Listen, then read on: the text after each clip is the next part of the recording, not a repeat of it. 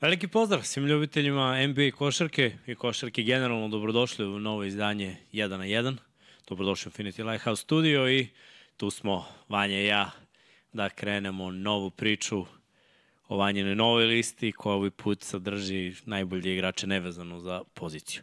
Naravno, Vanja će malo pričati o reprezentaciji, s obzirom da je gledao tekmu, ja nisam, pa ću lepo na tenane da pogledam, pa sledeći put da kažem ovaj, i ja šta mislim. Uh, vidim, tu ste, vidim da ste dobri, nadam se da ste uživali u vikendu, nas nije bilo eto, do srede i naviknite se jer ovo bi trebalo da bude naš termin, ono što smo radili pre ponedeljkom, to je bilo dok je lep bio utorak i sreda, sad je lep 76 u ponedeljak i utorak, tako da ćemo mi vrlo vjerojatno zauzeti sredu. Bilo bi neizvodljivo u ponedeljak raditi, jer kad krene NFL imamo Sunday, Monday, uh, Sunday, Monday night i onda onako posle dve treće smene rokati ni, nije baš realno. Pritom nemam predstavu ni da li će biti NCAA, da li će se ubaciti tu i college u subotu, tako da, a petak veče znamo svi 99 yardi i Thursday night pre toga, tako da kad se uvate ove treće smene, to baš bude haos ludilo. Uh, nadam se da pratite ovo što radimo. Trenutno smo na 32.700 nešto subscribera. Ako želite da podržite ekipu, tu ste, gledate podcaste, niste subscribe-ovani, jedan klik, isključite notifikacije, nemojte da vas mara da budete subscribe-ovani ako već pratite sadržaj, znači to je za one koji prate, oni koji ne prate, koji su slučajno zalutali. Čekirajte ako volite automotosport, ako volite američki futbol, vaterpolo, košarku, imamo taj sadržaj. Mislim da je jedna lepa energija, jedna kultura u principu ovde i u komentarima i na četu. Mi nismo suvetni. Sve što mislite, ako pišete ovde, pišite u live-u, ako ne, pišite u komentarima. Kritike su dobrodošle, kritike uvažavamo naravno. Podržavam tuđe mišljenje, imam svoje i mislim da bi tako trebalo da bude.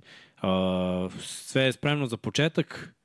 Još da vas pozovem da čekirate eventualno naš shop, to bi bilo lepo, evo, bliži se polako, ali sigurno jesen, sjajno. Čovjek dođe s mora i kiša svaki dan, kakav pakao. Ali dobro, ako hoćete dukserice, majice, toga ima na pregršt, pravit ćemo i nešto jedan na jedan, tako da smo spremni da rokamo. Vanja je spreman sa svojom listom. Iskreno, baš me zanima da vidim šta li on smisli. Ali Srki vozi, Srki kaže pre toga. Šta je pre toga, Srki? Representation reprezentacija koja je odigrala inače pripremnu utakmicu, završila pre koliko možda 20 minuta protiv Porto Rika. Gledao sam prvo polovreme jer ipak treba doći iz Mirjeva do centra grada, to je malo komplikovanije. prepreka. Nisam drugirao, mi trebalo opet 40 minuta prevoz, da. Da, u 8 sam izašao iz kuće i došao sam ovde u 29, to je to, tačno. Tako da 5 minuta do stanice, onda od stanice dole do ovde nekih 7-8, eto u principu 13 minuta pešaka, 27 prevozom i to je to. No, se vratim, gledam prvo polovreme i bio sam zaista oduševljen kako je Srbija igrala. Iskreno, to što se vratio Jović, klasičan playmaker je nama mnogo značilo i mislim, to ne, ne mislim, nego verujem da bi ovo petorka koja je startovala, a to je Jović, Bogdan, Dobrić, Jović, Nikola Jović i Milutino treba da startuju na početku svetskog prvenstva jer su odigrali izuzetno dobro na jednom vrlo visokom nivou. Jović je kontrolisao ritam igre, odlično pronalazio svoje saigrače, Dobrić ima odlične utrčavanja i stvarno su igrali fenomenal. Plus Porto Riko je direktan protivnik iz grupe zajedno sa Južnim Sudanom i Kinom. Verujem da će Kina i oni da će se boriti za to drugo mesto, tako da je ovo neko realno stanje što nas očekuje na svetskom Ne znam sad iskreno da li neko za Porto Riko nije igrao koje treba da igra ili koji će potencijalno igrati na svetskom prvenstvu, ovo što sam vidio od naše reprezentacije na polovremena da bude 40 razlike, da je napad funkcioniše, da ide sjajno, tečno i plus mi se sviđa što onda uh, nema potrebe da startnu petorku igra Gudurić, već možda bude šesti igrač i, i opet igra svoju ulogu da je kvazi playmaker zajedno sa Aleksom Avramovićem, zajedno sa Petruševim i tako dalje. Kvazi playmaker, pa da, nije on kvazi playmaker, pa dobro, on je rezervni playmaker. O, ne, on je krilo. On igra krilo po prirodi. Brate, ne možeš kažeš kvazi. Mislim, mnogi igrači igraju više pozicija. To je da. polivalentan igrač, nije okay. lažni igrač. Nije, ali kao da jeste. Mislim, nije pravi playmaker, nije, nije, pa identitet kažem. mu nije playmaker, Upravo ali sam i može, rekao. da ga, može da ga obavi. Može, znači... to, to sam i rekao prošli po onu s Bogdana, sad Jovića, Evramovića, jedini su timu koji mogu da stvaraju iz driblinga, što je sjajno za drugu postavu kada izađu starteri, uđe Gudorić, u, uđe ovaj, uh, Avramović, Petrušev, Smajlagić, Davidovac i tako dalje i to već izgleda dobro i trebalo bi ovako da igraju i ovim pripremnim utakmicama u Kini koje, koje će nadam se biti i koji idu uskoro za par dana. Tako da treba sada da se stvori ta hemija da ova startna petorka bude na ostalim utakmicama i da pronađu način igra tako. Tako da mi se zaista svidelo ovo prvo vreme šta sam, šta sam vidio od reprezentacije. Čuti, Porto Riko igra protiv Amerike dobro prvo. Jeste, kad je Carlos Arroyo bio. Pa ne i sada. Pa, su imali par razlike samo. I to da. što su žurili. Kad bi im neko rekao da je finta najbolje rešenje protiv Amera, sve idu na ono, jedan, dva ili pop ili naskupovi, brate, samo skaču na prvo. Ali su se držala posle 50 razlike za polovreme. Sunci ti poljubi. Da, da, to, to je realno stanje i, ok, kažem, treba stvarno da nam bude lak posao u grupi, da budemo prvi, da poslimo direktan duel sa Italijom za to prvo mesto u sledećem krugu grupa, da bismo izbegli u četvrfinalu Ameriku i eventualno išli na Litvaniju po nekim procenama i mojim proračunima. I tu već ima šanse, to jest tu već ima ozbiljnije šanse da prođemo dalje. Da, da. Vanja, da. Vanja i njegove zamisli, kostru čovjek pravi. Pa naravno pravi, to stalno radim. Znam. Ali ono kako smo mi baksuzi, ima da naletimo sve na najgore, najcrnije i najteže. Nećemo, nećemo.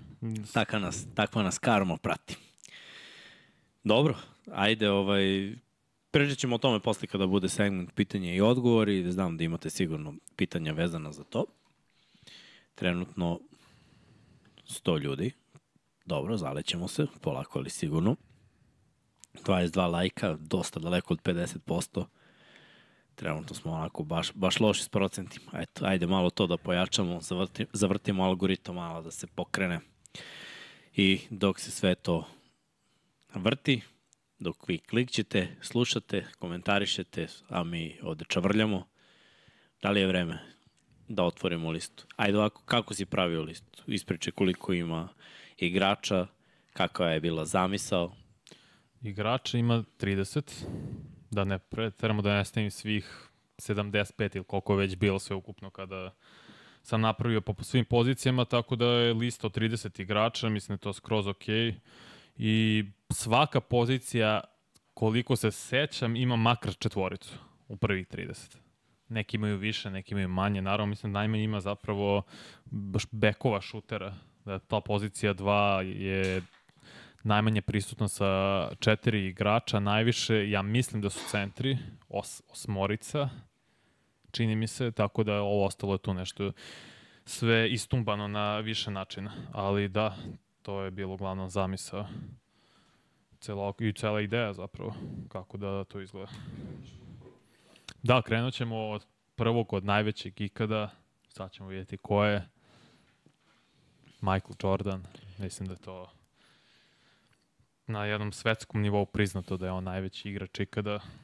Svi znamo šta je već uradio, već smo to prolazili, možemo ono čisto da prođemo ukratko ponovo šest puta NBA šampion, učesnik finala, šest puta, šest puta MVP tog, tih NBA finala, pet puta NBA MVP, 14 puta All-Star igrač, 11 puta All-NBA, 9 puta defanzivni, naravno svoju nagradu za defanzivnog igrača godine, jedan od redkih bekova koji ima tu nagradu, to oliče zapravo za sebe i uvek to kažemo, taj raspon od 87. do 98. tih 12 godina zapravo manje ako računamo to što je pauzirao godinu i po dana, kažemo 10-11 godina je po meni najostvarenijih 10-11 godina u istoriji svetske košarke. Niko nije učinio toliko indiv, na, na individualnom nivou i timskom da uzme šest titula, da ne, ne budeš poražen u NBA finalima, ne dađeš do sedme utakmice, da budeš i MVP toliko puta, možda si mogo i više, da uvek si ti najbolji igrač u tim šampionskim timovima. On bio i atraktivan, mislim. Tako Osvao je takmičenje u zakucavanju. Jeste. Imao je neke svoje inovacije na tom polju u igri, isto imao vrhunske poteze. Mm -hmm. Gledao sam pre neke dan neki highlight bio onim shortovima kad su komentatori on, oplakali, bukvalno 30 sekundi su se čudili. Prenosio je loptu od desnog auta ka sredini i neko je teo da mu uzme i on je odradio zadnju promenu, ali iz desne ruke u desnu ruku. Aha, dobro. Mislim, obično kada braviš zadnju promenu, lopta ide u kontra ruku. Da, da, da. Ali ako imaš baš duge ruke, možeš da zabaciš ruku toliko iza leđa i naravno šakom da usmeriš loptu da ona dijagonalno se vrati u, u ruku kojom si izvršio dribling. Znači iz desne u desnu zadnja promena i komentator kaže mnogo puta sam vidio zadnju promenu ali nikad istom rukom i sad ovi kreću da se smeju. A on je, mislim, kako je vezao zadnju promenu, sledeća je već bila srednja, odmah u levo i pap, bu, burazer Poleti. i, i izlomio, znači rit, ritam lomi, promjena pravca i sve. I onda gledam hiljadu neki takve stvari je imao u svojoj karijeri kada je radio takve poteze. Naravno, prednju promenu je usavršio gotovo. Da li je sve to bilo malo nesavršenije za, za neke današnje standarde. Danas su standardi da sve izvodiš savršeno. Danas dribling mora da se izve. Ponekad da, jeste bilo kruto kada je levom rukom vodio loptu i deluje to. Ne, ne deluje toliko suptilno meko kao što danas rade playmakeri koji vrhunski vladaju i levom i desnom rukom, ali brate, polu distanca. Sećam se, jedan je bio highlight isto cele jedne utakmice. Brate, lopta nije takla obruč. Bukvalno lopta, imao je 40 poena, lopta nije takla obruč. Znači, to je jedan automatizam Ne, neverovatan, neverovatan igrač. Mislim, ja sam imao tu sreću da sam 90 i već bio dovoljno ono mali, ali svestan, svestan. Da, da, da gledam ono i kao wow, Michael Jordan. Da, da ono, i proživao sam to, znaš, ono, poster Michael Jordan u sobi, Space Jam, kad je izašao, tad sam bio treći, četvrti razred, znaš, ono, baš je bilo, još si uvek mali, ali si dovoljno svestan da znaš koja je faca u pitanju. I onda posle kako je išlo, iskreno i ono što se vratio u Washingtonu meni je za svaki respekt. Volio bih da vidim mnoge koji ono, kenjaju po njemu da sa 40 godina budu u onoj formi da igraju, na, u, ono, u nekoj profesionalnoj ligi. Čovjek je sa 40 godina lepio ljude s dve ruke o tablu, mislim, i, i dalje mogu da kuca respektabilno 20 pojena po utakmici, mislim šta hoćeš u 40 godina. 40 godina su ozbiljne godine. Da. Znači, ne može to svako. Za to treba da budeš vrhunski atleta. On je bio vrhunski atleta. I to danas kad pričamo o nekim igračima koji su ostali da igraju u ligi sa 37, 8, 9 i koji igraju jako dobro. Danas, kao, kao što je Lebron, na primjer, ajde da kažemo da je on drugi, najveći, mada mislim da su njegove fizičke predispozicije malo zbog nauke, tehnologije i svega još više došle do izražaja i ostale slično onome što je bilo pre. Jer je jebi ga, danas sve pratiš putem tehnologije, danas sve ispravljaš putem tehnologije, imaš mnogo načina da se oporaviš brže nego što si imao pre. Ako si masažu imaš danas i imao si pre, sad imaš još hiljadu drugih stvari, mislim možeš da spavaš u hiperbaričnoj komori što nisi mogao pre 30 godina, jel te? Ali... Jeste, jeste, istina sve to stoji kad gledaš saigrače, ja to uvek pričam, njegov jedini all-star saigrač. Dennis Rodman nije bio all-star u Chicago Bullsima. On je bio vrlo ozbiljan igrač ovako i ulogu je radio na jednom visokom nivou.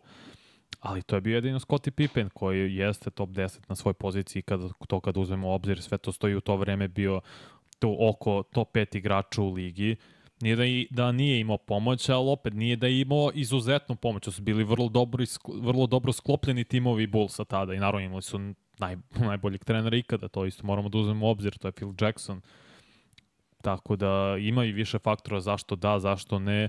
Možda je najveći minus i to je sad ono baš da čeprkam po tome konkurencija na sobstvenoj poziciji jer je ipak on bio idol sledećoj generaciji, zato smo u sledećoj generaciji videli i Bryanta i Vinca Cartera, Tracy'a McGrady i tako dalje, Allen Iversona, Vade i te igrače na tim pozicijama 2, 3, koji su na, kad, kad su oni igrali u toj eri bilo na, jedno, na, na jednoj najvišoj uh, lestvici ikada u istoriji NBA. Pa da, za te pozicije definitivno. Mislim, naravno, u principu svi su bili fanovi da, da. Jordanovi i eto, do sklapanja Warriorsa i njihove sezone, sezona Bullsa je bila najbolja u istoriji NBA po Pa i najdalje jeste najbolje, oni su to obeležili titul, Warriors je nisu, to je vrlo prosto, mislim. To, Džabe ti 73... To se gleda kao regularni deo. So, ok, kapiram. Mislim, gledam, uzeo sam sezo, sezonu kao celokupno, naravno sa play-offom ta godina. Samo rekord uh, regularnog dela, ali ajde da kažemo da bez titula ništa. Džaba sve ako nema to. Da. Sam misli, brate, sezona bez poraza izgubiš u finalu. Izgubiš od Dila, od Dila Manninga. Žasu, brate, žasu. Čak i ne od Peytona nisi izgubio, nisi izgubiš od Dila, mlađeg brata. brate. Ne, ne, tip, takvi porazi bole, brate. Kako To je, to je, to je normalno.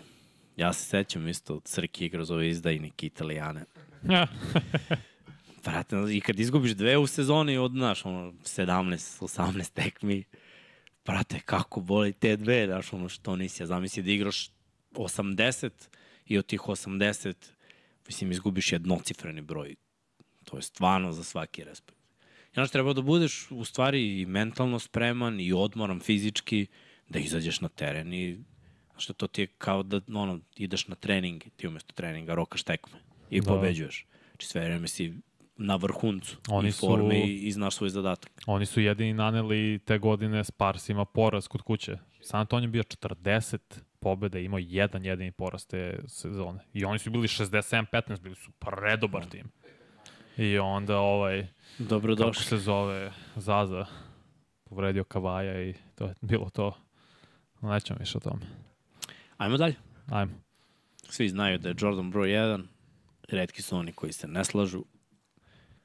Ko se ne slaže, misle da je ovi čovjek broj 2, to je LeBron James, stvarno šta čovjek radi 20 godina u NBA i od tih 20, slobodno mogu kažem da je jedno 10 godina bio najbolji igrač u NBA-u, skoro svih 20 su ono top 5.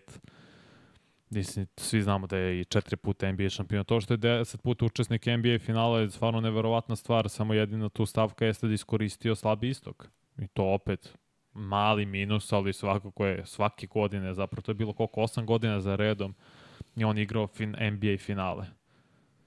To je mnogo za telo, pre svega da ti svake godine završavaš regularnu sezonu, to je svake godine završavaš celokupnu sezonu u sredinom juna, da igraš realno oko 100 utakmica na godišnjem nivou, plus jedne godine igrao za reprezentaciju olimpijskih igra 2012. Videli smo sve ono šta je ostvario 19 puta All-Star igrač. Igrao je i osmo.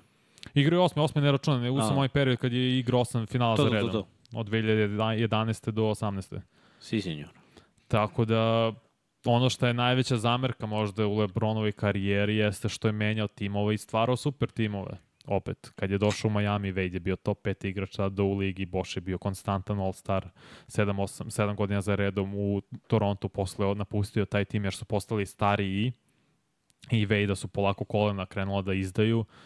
Doš, otišao je u Cleveland, Kyrie Irving je već postao all-star igrač, Kevin Love je bio ozbiljna, ozbiljna igračina u tom periodu, samo je bio u Minnesota pa nikoga nije ni gledao, realno imao je čovjek utakmice sa 30 pojena, 30 skokova i opet doveo njega, napravili tu jedan nazovi super tim, otišao u Lakers-e, tradeo sve ove klince koji se na kraju ispostaviše da su sjajni i većina njih all-star igrači kao Randall i Ingram doveo Anthony Davisa koji se tada isto smatrao top 5 igračem u ligi osvojili titulu u Mehuru, u Bablu, nakon ovog svega oko COVID-a, ja i dalje, ako volim Lakers i najme njih, pričam stalno, verujem da Lakersi te godine ne bi uzeli titulu, da nije bilo pauze od pet meseci, da se nastavila normalno sve sezona, mislim da bi Clippersi bili šampioni, jer su mi tako delovali. Ali sve pohvale za Lebrona zato što opet igraš na, na vrlo na najvišem mogućem nivou 20 godina i da si stalno u priči za potencijalno NBA finale, od maletao i ona, neke odlične timove kao što su ti Warriorsi bili posle doveli Durant i to više nije bilo fair, nije bilo zanimljivo gledati to jer si znao šta će se desiti, da će oni osvojiti, ali ne mogu da ne kažem da je imao mnogo lakši posao na istoku, jer te godine, ti godina najveća konkurencija su trebali da budu Bullsi, Rose se povredio, nije se Nije se desilo. Pacers i George se povredio, sve su to ozbiljne povrede, oni su izrastali u, tim koji može da konkuriše sa njima, nije se desilo, Washington, mislim, nije na tom nivou da se ne lažemo, niti naravno Ali Toronto. dobro, znaš šta, nije ni važna toliko konkurencija. Mislim, razumem šta hoćeš da kažeš, sad jeste uvek bilo zajebanije na zapadu. Ali nije toliko važna konkurencija i da je najslabija, treba konstantno biti prvak istočne konferencije. Slažem se. Ti, bez obzira protiv koga igraš, treba da odigraš, ajde da krenemo od jedne sezone, dve sezone, tri sezone, četiri, pet, pa da dođemo do osam ili deset. Svake godine određeni broj utakmica da promeniš mentalitet čitave ekipe, jer on, koliko si sad ispričao o vrlo važnim igračima sa kojima on igra, to su znači, pored njega dvojica, trojica, četvorica najvažnijih u ekipi. ali osim te dvojice, trojice, četvorice imamo još deset momaka koji se bore za mesto na rosteru i koji su u rotaciji tokom čitave sezone uopšte da upadnu u ekipu. Pa naravno, dešavaju se tu i trejdovi itd. itd. Uglavnom dolaze ljudi koji nisu ostvarili neki svoj potencijal. I gledao sam neki intervju J.R. Smitha koji je to lepo rekao. Kad smo iz Njujorka, Šampert i ja došli mm -hmm. u, u Cleveland, i ono upoznali Lebrona i sve, on je na svakom treningu, svaki sledeći trening je provodio vreme sa drugim igračima. Sa, u pričama sa njim, o njemu, da ga upozna bolje kao osobu, o tome kako on vidi određene situacije na terenu, da ga upozna bolje kao igrača. I ono što je svima rekao je bilo ono, uh, šampionski prsten je očekivanje. Znači nije to ili utakmica da se pobedi, to očekivanje. Znači nije da idemo, igramo tekmu, pa e, šta bude, neka bude. Ne, idemo da igramo tekmu da pobedimo. I za mnogi igrače, evo, uzmi njih iz Niksa. U Niksima nisi išao na tekmu da je, ono, u fazonu dobijamo mi ovo, pa, znaš, idemo dalje. Ideš sa, ono, misijom mora dobiješ ovo. U Niksima si išao... Dođe do play-off. Malo, da, proputuješ pa možda uđeš u play-off. I pitanje je šta ćeš da uradiš. A ovde si znao da imaš neki viši cilj. I opet to su stvari zbog kojih moraš da, da poštuješ ovo što je on imao. Ja da kažem, najviše poštujem to, uh, poštujem to što je opstao kroz silne godine bez pauza, bez ozbiljnije povrede koje bi ga odvojila od terena na sezonu, jer su mnogi moji omiljeni igrači imali bar jednu takvu sezonu. Uh, Jordan je imao, nije se povredio strašno, Polomio kad je nogu. bio, ne, ne, to je bilo na početku karijere. Tad još uvijek nije bio ono super, super star, imao je. Ali onda kad je krenuo, pa da kažemo nakon te sezone, lik se nije povredio, samo je bio u fazonu neću igram. Idem, idem I da igram napravio, je. I napravio je pauzu, je li tako? Eto, to je bila, znači propustio je svojom odlukom nekom dve sezone dobre, jer ovo što se vratio posle nije on bio u formi. Drugo, kad meša sportove, zajebano to, nije, nije, nije isti trening. Dovoljno je da uđeš u kopačke i da radiš više teretanu i neke druge stvari za drugi sport, onda uđu u košarkašku patiku, uđu u salu i sad imaju neke potpuno pete kretnje. Znači, telo ti je u šoku. Ne može da se povratiš šest meseci od toga, a ne kao dođi i igraj play-off. Tako da ja mislim da je on propustio dve godine. Le- Lebron nije.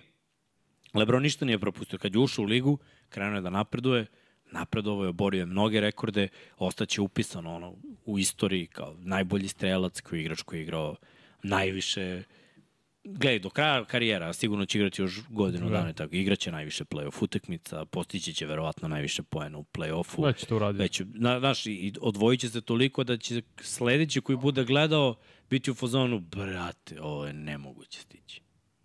Ovo mora budeš vanzemaljac. Crke kaže kao Brady, ne znam gde ti je mikrofon. Da, nema, nema, nismo postavili. Aha. Znaš šta, do nekle jeste kao Brady. Sad, za razliku od Brady-a, koji je ono, možemo nađemo neke stvari koji ih vezuju. I za Brady, Brady su mnogi usporavali, naravno, mora da usporavaš, ali znaš šta je Brady imao, taj ubilački mentalitet koji LeBron de facto nema. Za razliku od Jordana koji je to imao, koji je bio lik ono, ja ću da preuzmem i sve, tako je, bolesnik. I Brady je bolesnik. Yes. Znaš, jer, znaš, on je u fazonu kompletira dodavanje, iako je najsporiji na terenu, istrči 3 yarde, onda se unosi defanzivno linijašem u fazonu, a, istrčao sam. On ga gleda Boraziru, on 3 yarde si istrčao. Ali, znaš, on, on je ložana. Lebron nije. Lebron voli da priča na terenu, to se ne vidi toliko, voli taj trash talk i sve, ali u momentima možda je bilo previše momenta poraza u njegovoj karijeri. Opet, veliki je uzorak. Procentualno je Ogroman. moralo da se desi. Na, na leto je na ozbiljne ekipe, ali u nekim momentima, znaš, meni uvek ostane taj Dallas 2011. gde je onako nije bio istaknut dovoljno kao najbolji igrač. Na, on je bio tad najbolji igrač na svetu, tako ljudi kažu. Nije delovao kao najbolji igrač na svetu u tom finalu. Pa nije delovao kao najbolji igrač na svetu još nekoliko puta. Ima, ima nešto što ti ne ostavlja utisak, ali kad pogledaš, ako se vodiš statistikom, ako se vodiš brojevima, ako se vodiš brojevima, to je možda najbolja karijera u istoriji. Ali brojevi nisu sve, to ono što ja uvek pričam. Statistika nije sve. Nekad je taj uh, Eye test. u- užitak u gledanju, mm. razumeš, to, to nešto što te ostavi bez reči, to ponekad ima Lebrona, ponekad nema. A Jordan je to imao. Mo, možda je do ere, možda je do ovoga ili do onoga, nemam pojma. Gle, Lebron je mnogo napredovao u svojoj karijeri. Šut za tri nije imao na ovom nivou kada je počeo. Razvio je taj šut. Prilagodio se vremenu, da se razumem, mora je da razvije taj šut i vidi se tačno uh, jedna linija gde kreće ono kako se razvija šut za 3 poena, tako on postepeno povećava svoj broj šuteva za, to, za tih istih 3 poena i vidi sada uz ne znam koliko uzima 6-7 po meču, 8 pre nije uzimao toliko pre bilo 3-4 i on postepeno to ide sve na gore jer to zahteva današnji NBA. I tako štediš telo, ne moraš da ideš na ulaz konstantno, ako je to Lebronova najveća snaga i dan danas čovek koji najbolje ide na ulaz u istoriji NBA, ne možeš da ga zaustaviš sa 2.05, 120 kila, brz, skočan, sve ono zakucavanje iz prve ture Clevelanda, da kuca preko Garneta, Duncana, koga hoćeš, malte ne, to je stvarno ti vidiš neki atleticizam i kažem uvek LeBron James je najveća atleta u istoriji NBA lige. Pa, Nikad nisam vidio onoliko skočnog čoveka da sa, on, sa onoliko, onom visinom, kilažom se onako kreće, plus se ne povređuje to što si ti rekao, stvarno je vau. Kao, ne, kao, te, te neke stvari vezane Ne, ne, za njega su stvarno opišem. neverovatne. Sad, mislim, zavisi kako merimo atleticizam, znaš. Jer opet, ja, ja bih rekao, Ben je najveći atleta. Šta Lebronu fali malo u, u tome neki igrači su ima, na primjer, D. Rose bio eksplozivniji i mekši. I to su isto odlike atleticizma. Znaš, ali njegovo telo nije izdržalo taj atleticizam. Lebronovo telo, za, eto, to manje finese što on ima, a ima mnogo eksplozije. Samo opet poredimo lik od 1,90 m, koji je radio slične stvari kao lik od preko 2 metra. Nije isto. Pritom je bio brži, promene pravca su bile nerealne, Znači, neko da zaseca dva puta ono po 45 u, u dva kora, Lebron to nikad nije. Lebron je ono teretnjak. Se Borazar zaleti da. i gle, on se odrazi, stvarno leti, može da uradi sve, ali neke stvari nisu bile na nivou onog atleticizma koje je posjedovao Derrick Rose. Ali, opet kažem, njegovo telo nije moglo da izdrži taj atleticizam, a Lebronovo telo izgleda sve može da izdrži. Borazir iskreno zlobi vrati se za dva minuta. Da. Sad imamo ovde neku komentarisu je Marko Simović kaže ako su brojevi onda je Jabbar bolji. Pa nije, jer mislim Lebron ga je prešišao broj, broj poena. Broj All-Stara imaju jednak, All-NBA. To, nije, to meni nije važno. To All-Star NBA, to su važna priznanja, ali ne toliko. Ajde da govorimo o asistencijama. Tu je Lebron isto među najboljim svih vremena, ne vezano za poziciju. Znači, opet je i pozicija malo evoluirala, ali, znaš, način na koji on vidi igru, način na koji protivnici strahuju od njega da mora da se skupi u reketu, da on mm -hmm. ima te, ali on vidi da doda. Pritom ima neverovatnu sposobnost da iz globa dijagonalno prebaci teren ono kao quarterback, mislim njegova dodavanja i na zagrevanje ono kad se sprda američki futbol, znaš on uzme basketaru i šikne bez problema ta lopta stvarno putuje kao lopta za američki futbol, što je jako teško baciti, ne, ne može to svako. Znači on je iskoristio svoje telo i koristio tokom čitave karijere da bi proigravao drugi. Jeste, vrlo vratno će Vrlo- postati ne. jedini igrač u istoriji NBA da ima preko 40.000 poena, 10.000 skokova, 10.000 asistencija. Tako je. I pritom nije toliko loš skakač, samo da uzmemo u obzir da on igra poziciju koja bi trebalo da objedini sve. Njegova, njegovo lepljenje protivnika na tablu isto i u tome je jedan od najboljih i kada naš ima savršen tajming i može da dohvati gotovo sve. Sad, ne gledam da su titule najbitnije, jer da jesu, onda bi drugačija lista svaka bila. Mislim, onda bi na prvom mestu uvek bio Bill Russell, pa tri mesta prazno, pa bi mogli da pričamo šta dalje. Ali čovek je bio dosta u finalu, gubio je, znao je da nastavi dalje, da, da igra za sledeću sezonu i gled, nije malo puta bio šampion, da se razumemo. Četiri. Da li je moglo više? Moglo. Da li je moralo više? Moralo je. Mogu i manje opet- u nekim situacijama. Ti to stalno spominješ, Ray ovim- Allen. Tako je, koliko smo videli u ovim listama koji si pravio da je bilo ljudi koji su igrali ono doba Celticsa da su bili 8-9 puta u finalu, a uzeli tipa jednu. Ili ni jednu.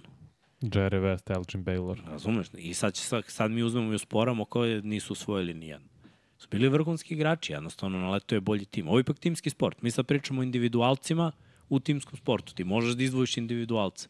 Ali mislim, titule se odva, osvajaju timski. Dobro, možda kad pričamo o američkim profesionalnim sportovima, košarka, individualac najviše utiče na košarku. Utiče, ali košarci, najbolji pardon. individualac ne može sam, znaš. I mora da mu se sklopi, prvo mora trener koji nije samo dobar stručnjak, dobar strateg, nego trener koji je dobar psiholog, mm. -hmm. da bi znao da iskontroliše 10 hodajućih ega, razumeš? I, i, i da zna da, da im ono, da svakom priđe sa drugom energijom na drugi način.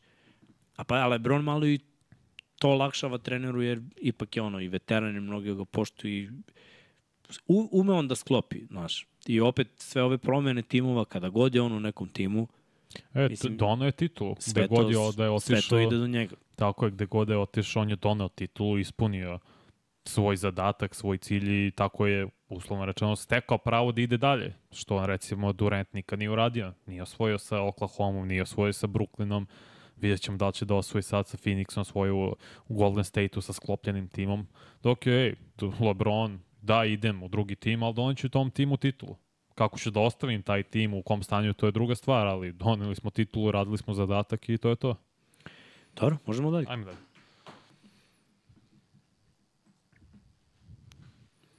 Magic, Magic Jones. Ti je broj 3. Pa da, neko čovjek koji je uz Larry Birda, kao što smo i spominjali. Mislim da mu bio rođen pre par dana, iskreno. Srećan mu rođen.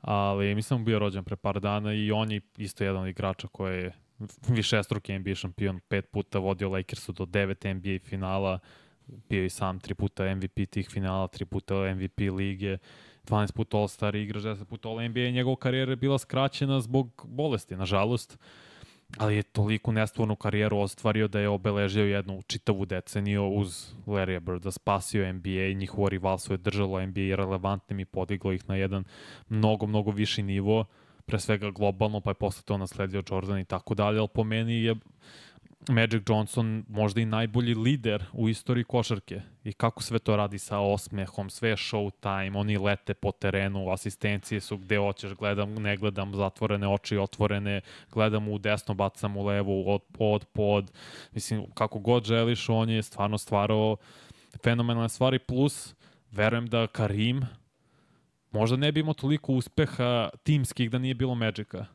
Jer Karim je osvojio prvu titulu 71. i onda je čekao dok Magic nije bio draftovan skoro 10 godina da bi se desila ta druga titula. Dobro, ali šta je radio dok nije osvajao titula? Ne, bio je MVP lige, sve to stoji, ali vidiš koliko to je ono što pričam. Teško je da se uzme titula kao pa, individualac. Potrebno ti još jedan pored tebe. Naravno, gledaj, u timu je uvek teško, nije ti potreban mm. jedan, potreban ti je ceo tim. Ne, ne, potreban ti je jedan super zvezda, kao što je, mislim, Magic Johnson, koji je najbolji playmaker ikada. Jako je teško Znaš, ja, ja se tu nikad neću ovaj, složiti. Ja stvarno mislim da, da je ono i, i bitan i peti, i šesti, i da je bukvalno bitan. Jeste važno da ti imaš duo. Jer duo ima određen zadatak koliko će šutova da uzme, kakav mm -hmm. pace će da diktira, koliko će poena postići. Ali ako ovaj, znaš koliko puta je bio vrhunski duo, pa prc ništa. Jer je opet važno ko je broj 3, broj 4, broj 5, ko ulazi sa klupe, ko daje ovaj doprinos, ko pravi faul, ko odmara ovog, ko je glavna zvezda, odmara ovog, ko je druga zvezda i sve to nekako treba da se sklopi. Mnogo puta u istoriji kockice se nisu sklopile. Jer ti jednostavno ne možeš da znaš previše nepredvidivih. Razumiješ, imaš nepredvidive naravno i tog drugog tima i njihove taktike i zato je sport toliko lep. Da, naravno da glavna dva igrača će uvek snositi najveću odgovornost i da će dobiti sve pohvale na kraju. Jeste... Bio je tim, James Ward je bio AC Green, Jamal Wills, Byron Scott, bio to odlični timovi. Može da se desi. Znaš koliko puta je sklopljen vrhunski tim, pa ništa. Jer nije važno da oni budu samo na papiru i u statistici vrhunski igrači. Treba da se sklope kao ekipa, znaš, da, da imaju dobru energiju zajedno. Da se gotive, da se razumeju, da se dopunjuju. Hiljadu stvari treba da se desi da, da bi ti, ti kao dobar timski igrač. Ponekad moraš da zaboraviš ono što je tebi najbitnije. Mora da se podrediš, da se žrtvuješ zbog tima. Znaš, na primjer, ako postižeš 20-30 poena i uzimaš lupam 10-15 šuteva i ti znaš da to uzimaš, ali za neku utakmicu možda bolje da uzmeš ne znam, 3-4 šuta manje, jer neko drugi ima bolji mismeč, razumeš, da, da se žrtvuješ na taj način. Nisam siguran koliko su neki igrači spremni, danas siguran sam da nisu, a ne znam koliko su nekada bili spremni da to promene. I ako ovaj uzme tipa 2-3 više, da li ćeš ti da se naljutiš na njega ili ćeš da budeš ono, dobro je, znaš, ajmo sad u odbranu, ajde da iskidamo u odbranu pa ćemo, znaš, doći ćemo do novog napada. I, i toliko tih nekih sukobljavanja. Magic se desi u pravom trenutku Karimu. Pa to ste da kažem, njih dvojica su mentalitetom isti. Ne, o, nema to ko da se naljuti i Karim je više bio flagom, bio ok, dobit ću ja svoje loptu i Magic i fazonu daj da nađemo Karima, spustimo dole na niskom postu, da on odradi svoje, povuću ja kontru kad je neophodno, razigraću drugi, to je pravi lider, on je razumeo svačiji mentalitet i sve to radio sa onim ogromnim osmehom na licu, ne možeš da ga ne zavoliš. I kogod je upoznao Magic Johnson po priči, makar svi su rekli on je neverovatan lik, ne možeš da ga ne voliš. Jeste, me, gledaj, Magic je legend, samo je naravno opet pitanje kada rangiraš ovako, šta uzimaš za, šta uzimaš protiv. Mislim, njemu ne može mnogo da se uzme protiv, bila je era takva da su oni dominirali. Mislim, ta era je vratila košarku da, da košarka bude među popularnim sportovima u Americi.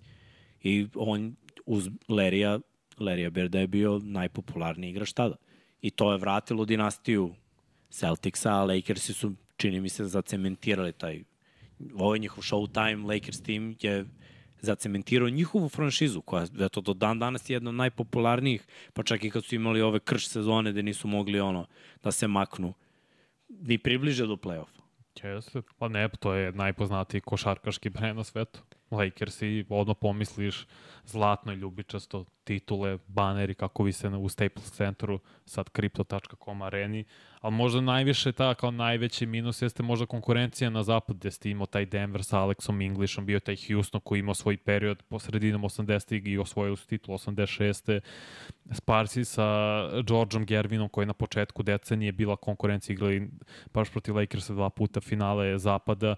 Možda je to najveća zamerka jer nije bio tim na tom nivou sem tih Rocketsa, kažete, te jedne godine. Posle Phoenix Suns je ok, nešto su probali, sve nije, to nije se desilo dok nije došao Barkley, naravno. Dok s druge strane na istoku si imao tri dinastije u suštini. Prvo je bilo Boston Celticsi, pa su ih nasledili odmah Pistonci, pa odmah nakon njih Bullsi. I oni su igrali jedni protiv drugih tih godina i izbacivali jedne druge. Da ne spominjem Milwaukee, Atlantu i tako dalje. Tad je istok bio izuzetno jak. Imao si ono tri ozbiljna tima, prvi nivo, ispod toga drugi nivo, još tri vrlo dobra tima, ple, vrlo dobra playoff, playoff ekipe. Tako da istok bio mnogo jače. Dobro, nešto još o Magicu? Ne, najbolji, jedan najbolji dodavača ikada. Uz Lebrona, kog isto nismo spomenuli, ali Magic Johnson, kako je pronalazio ljude, prosto kako je vodio tim, to je po meni njegova najveća vrlina. Dobro, bio je i anomalija, treba i to reći. Tako je playmaker sa 2.05, nikad to, pre toga nisu videli. I nikad to neće se zaboriti. A kao ruki, kao Novajlija, utakmica finala, kad Karim nije mogo da igra, Magic igrao startera na poziciji centra, 42 poena, koliko 9 asistencija, ili 9 skokova, 7 asistencija, to je jedna od najboljih ikada utakmica u NBA finalima. I Lakers i tako osvojili titulu. Dobro, ajmo na broj 4. Sa igrača. Eto, pošto neko spomenuo, ako je po brojkama, onda je Karim i moraš Karima da, sva, da staviš to jer čovjek nešto slično Lebronu, skoro 20 godina smatra jednim od najboljih igrača u ligi. Bio je prvu deceniju sigurno najbolji igrač u ligi i to pokazuje da je, pošto je bio MVP lige šest puta i toliko puta All-Star igrač, All-NBA igrač. Čim si All-NBA igrač, znači da si top 15 igrač konstantno u NBA. Minimalno. A realno je Karim bio i mnogo više od toga. Pritom ti što je igrao 10 puta NBA finale, uglavnom devet je bilo sa Lakersima, jedno sa Bucksima, dove, donao i prvu titulu zajedno sa Oskarom Robertsonom i Milwaukee Bucksima, posle se čekalo 50 godina da to Janis učini, ali je najveći centar i najbolji kada plus, evo vidi se lepo na slici njegov karakterističan potez je ostao i ostaće zapamćen kao najpoznatiji potez u istoriji NBA, taj horok, to je skyhook njegov. I neću da oduzimam ni jednom ni drugom što su igrali zajedno. Mislim. Ne, ne treba da oduzimaš daleko od toga. Mislim. To dosta ljudi nije, radi nije, nije sa to, drugim igračima. Nije to, nije to point. Mislim, timski uspesi, mi gledamo igrače osvojuju i sve to. Mm -hmm. Ti dobijaš MVP za individualno, ali opet i tu zavisiš od tima koliko si puta osvojio, to, to stvarno nije, nije fair meriti individualno. Jer opet ponekad stvarno zavisiš od ekipe i čak da imaš i trojicu vrhunskih saigrača, ako je ostatak tima krš, može se desiti da ne uđeš u playoff, a da. ne da ideš da, da osvajaš ili zašto nisi osvojio i, i tako dalje. Tako da treba mnogo toga da se poklopi. Ja opet kažem, energije, svi ti igrači su profesionalci, jako dobri, svako od njih ima svoje ugovore, ugovori su uglavnom ti neki bonusi za brojeve vezani, a sve to vuče neki ego sa sobom i sve to treba iskontrolisati i napraviti tako da na kraju dođeš do onog finalnog cilja i da osvojiš nešto. Tako da ne, ja ne bih o tome koliko je ko uradio individualno, šta je uspeo, šta nije uspeo. Jer ovo su sve igrači, mi sad ne govorimo o ljudima da pokušamo da ih ubacimo na listu neke pozicije nego najbolji svih vremena, znači svako od njih je bio uspešan. Karim je imao vrhunsku individualnu statistiku i imao je timske uspehe sa dva različita tima. Jeste ovaj drugi bio prekrcan talentima, bio je brutalan tim i bilo je za očekivati, bili su favoriti naravno, kako i ne bi, kako ekipu su imali, ali trebalo je pobediti, znaš, nisu igrali protiv vazduha ni protiv dece, nego su igrali protiv isto tako profesionalaca koji se spremaju iz godine u godinu i rade na tome da dobiju njih. Ne, naravno i ono što zapravo je Karim igrao 8 puta sa Lakersem finala, dva puta sa Bucksima, jer su Bucksi početkom 70-ih bili inače na zapadne konferencije. Koliko je uzdo 10 finala? Prst Šest. Čemu pričamo? 60% uspešnosti u, u 10 finala. Tako je. I neverovatna individualna statistika. I opet govorimo o nekoj jeri gde, znaš, niko više neće šutirati taj njegov horog koji on šutirao. Sad je već neka druga finta, druge neke forice i sve to. On je lik imao jednu foru i ta jedna fora je bila nezaustavljiva. Tako je, 20 godina, malte ne. I to ti je ono pravi primjer. Kad nešto ide, znaš, ako nije polomljeno, ne popravljaj. Je radi, radi. Radi to onda i to je to. Bez nekog izmišljenja tople vode. Stvarno je izdominirao u, u toj jeri. I opet i dan danas gde god da se pojavi, mislim, čovjek je faca, ima poštovanje čitavog košarkaškog sveta. Tako da definitivno spada u, u sam vrh, ja bih rekao da mora da budu top 5 na svakoj listi, a sada kako ljudi, opet sve to nekako subjektivno, znaš, jer nisu Naravno. igrali svi u istoj jeri. I, I to je fora, opet, kao i ono ocenjivanje atleticizmu, to je subjektivno. Znaš, ti možeš da vidiš drugačije, ja ne mogu da te ubedim. Kako ono nekim takmičenjima gde ne postoji ono Ovde, znaš, u košarci ima broj poena i ko da, više on je pobedio. Imaš gomilo nekih stvari gde imaš sudije koji ocenjuju, znaš, to je njihov osjećaj, nji, znaš, njih lični dojam. Ti ne možeš bukvalno da, da ono kažeš nisi u pravu.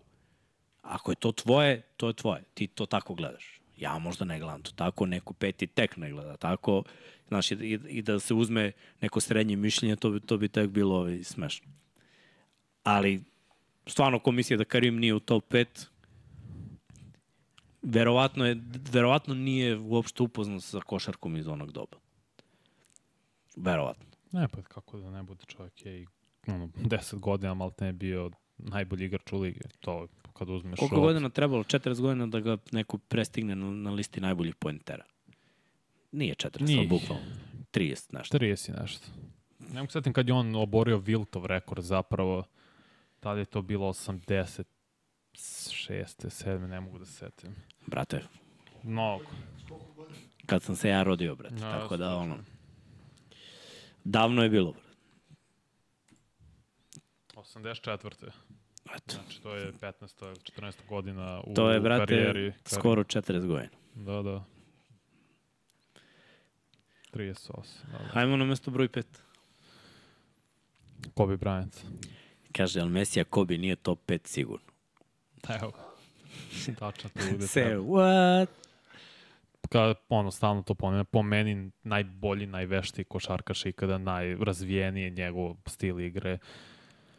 To je meni vrhunac ko, jednog košarkaša, da imaš svaki potez savršeno urađen, da nemaš mana u svojoj igri, ni ofanzivno, ni defanzivno, pošto si bio defanziv, u defanzivnoj petorci 12 puta, što je jedan od najboljih ikada, pet puta NBA šampion, da, tri puta je bilo sa Šekom, koji je sada smatrao najboljim igračem u ligi, ali Bryant i tad, i tad bio već top 5 igrač, top 3 svakako, plus njegove dve titule i tri finala sa Pau Gasolom, on je igrao sa jednim all-star igračem tada i plus kad pogledamo, kad čita u istoriju NBA, Gasol se ne smatra top 10 na svojoj poziciji.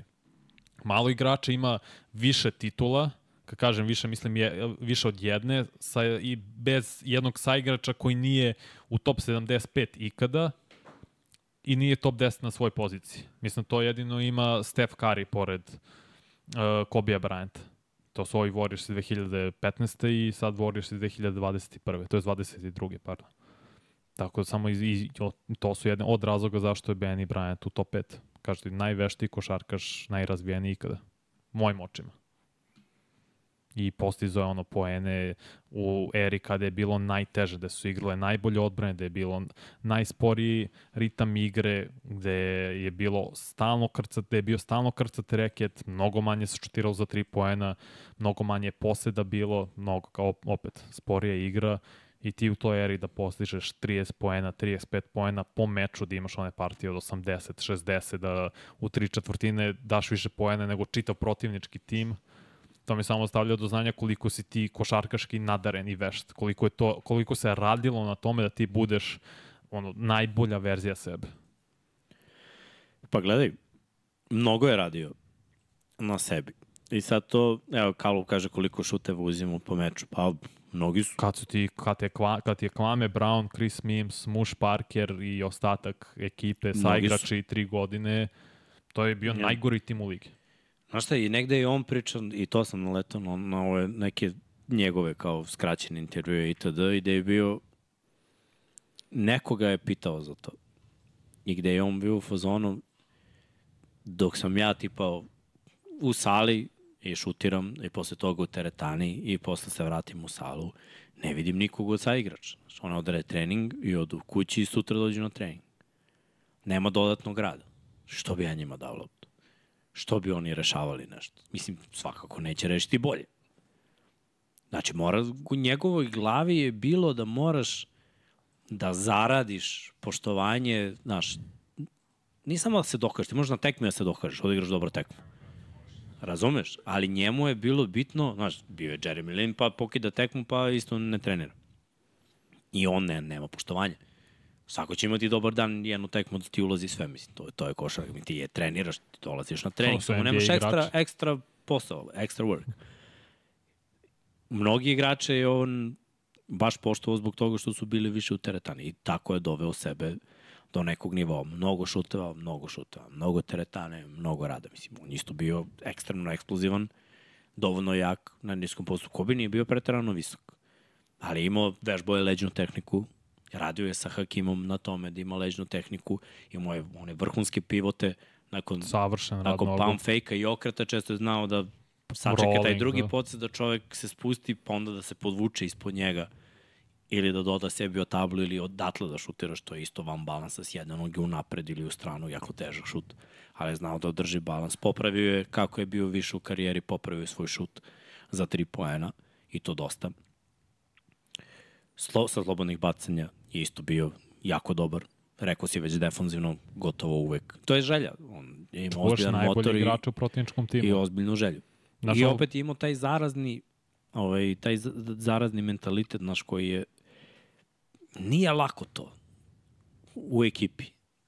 Nije, nije lako da preneseš to u ekipu. To je ono što pričam. I zamisli da imao i on I da više sličnih šest. ljudi, ne, ne boljih igrača. Ti sad nabrao neki loši, nisu oni nužno loši za njega takvi igrači nekad su i dobri, sad samo je bitno da imaju mentalitet, ne moraju oni da imaju neki, neku statistiku ili neki doprinos u brojevima, ali je vrlo važno da budu kompatibilni s njim. I on je uspeo u nekoliko navrate. Opet oni Šek su jako dobro priče. Sad ljudi zastavljaju Šek je bio broj 1, on je bio broj 2. Ovaj je bio ovaj broj, on je bio onaj broj. Igrali su zajedno i doprinosili su zajedno, da nisu ne bi osvojili. Vrlo verovatno. Znači, jedno su prolazili pričam, kroz zapad. Znači, bilo je potrebno da igraju jedan i drugi. ljudi od Šeku šek... i Bryant oduz, oduzimaju to što su igrali zajedno, Magicu, Johnsonu i Karimu kao to, ok, to nema veze. Zato što su gledali Šeka i Kobe. Zato što smo gledali svi Šeka i Kobe i zato što znamo koliko nije bilo, naročito za Bryanta, znamo koliko nije bilo fair čuvati Šeka u ono vreme. Pričali smo o tome. Zna, znamo koliko je bilo zajebano da ti moraš na rosteru da imaš 3-4 centra, koji prave faulove. I ono, jedan lik mora da igra, razumeš, i da mm -hmm. doprinosi nešto, a ostali su tu samo kao potrošna roba, kao telo, da čuvaju šeka. Nije bilo takvog respekta prema Bryantu u to vreme. Zato, zato šeka ljudi vide kao, ok, on je bio važniji u toj ekipi, ali zapravo bojice su bili važni.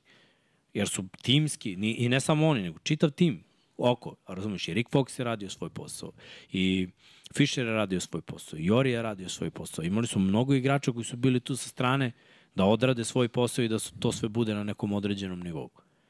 Jeste, ali Ne bi, ne bi ljudi, umanjivao.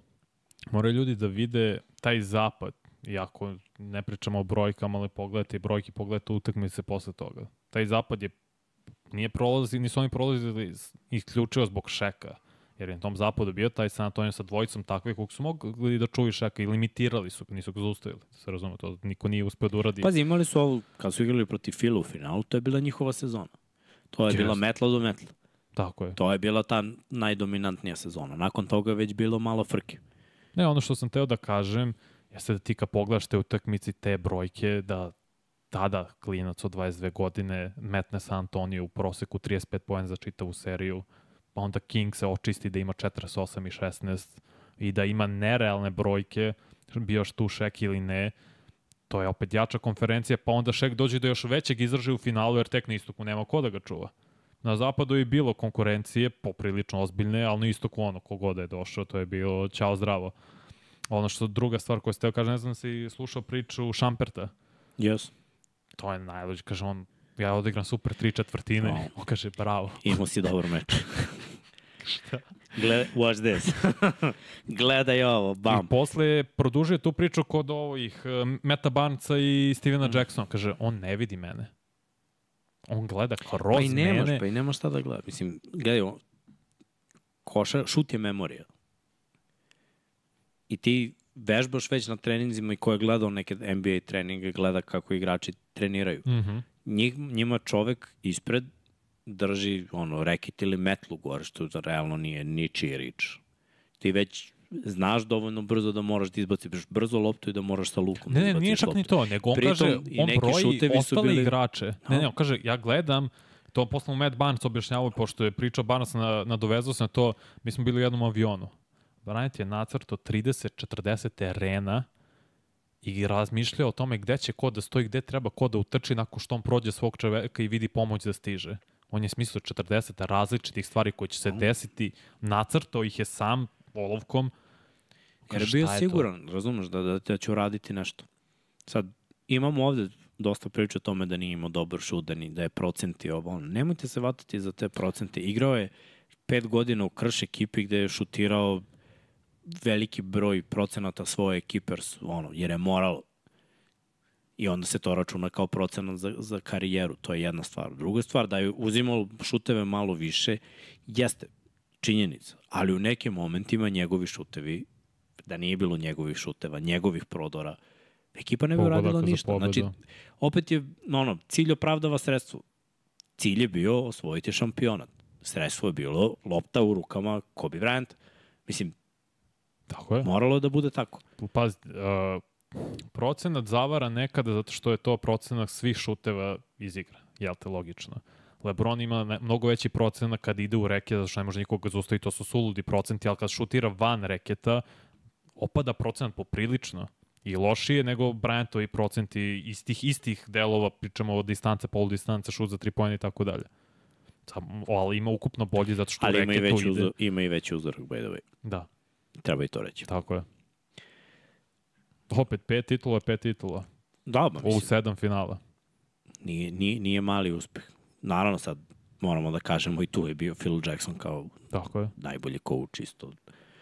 Ali ja bih stvarno istakao da Pau Gasol ne bi bio ovo. da radi nešto što je radio Jordan sa slabim fizičkim predispozicijama od Jordana. E sad imam i pitanje, pa tamo da se mm. -hmm. navežem na to. Tekst Dramer kaže, možeš li da objasniš što se potencijera da je Jordan bio nerealno fizički nadaren čak i za današnje standarde, zar nisu danas igrači na njegovom nivou fizikali, fizikalije? Nisu. U tome je fora. Jer, tipa, ako uzmemo vertikal koji ima Jordan, odraz, samo najbolji skakači danas imaju 48 vertikal, 45, 46 inč. Zach Lavin, teritorij. Ali koji od tih igrača koji imaju taj odraz, najbolji poenter, najbolji igrač u ligi, najbolji defanzivac? Niko. Ma ko onako izgleda da je onako Ne, ne, ne, pusti izdefinisan. izgled, dajmo samo ovo. Ko je od njih bio toliko nadaren da iskoristi fizičke predispozicije kao svoju prednost na terenu, da ostane zdrav i da zahvaljujući tim fizičkim predispozicijama izdominira? Niko. Kroz istoriju, ako izdvojimo 20 najboljih vertikala, pošto oni to više mere nego skoku dalje ili tako nešto. Mm -hmm. Niko nije iskoristio taj potencijal kao što je Jordan. Ali apsolutno niko. Evo, rekao si je Lavin. Šta je uspao? Par put pobedio je na takmičenju za kucavanjima i par puta je bio All-Star. I? To je to. Kako bi rekao Đuričko, ništa. Razumeš? Ništa. Yes. I mnogi, mnogi su imali slične fizičke predispozicije, ali nisu uspeli da urade stvari koje je ovo uradio. Opet to je deo Govorimo mentaliteta. isto o masi. Danas, ok, kad je ušao u ligu, bio je mršaviji, vretenastiji što su današnji igrači.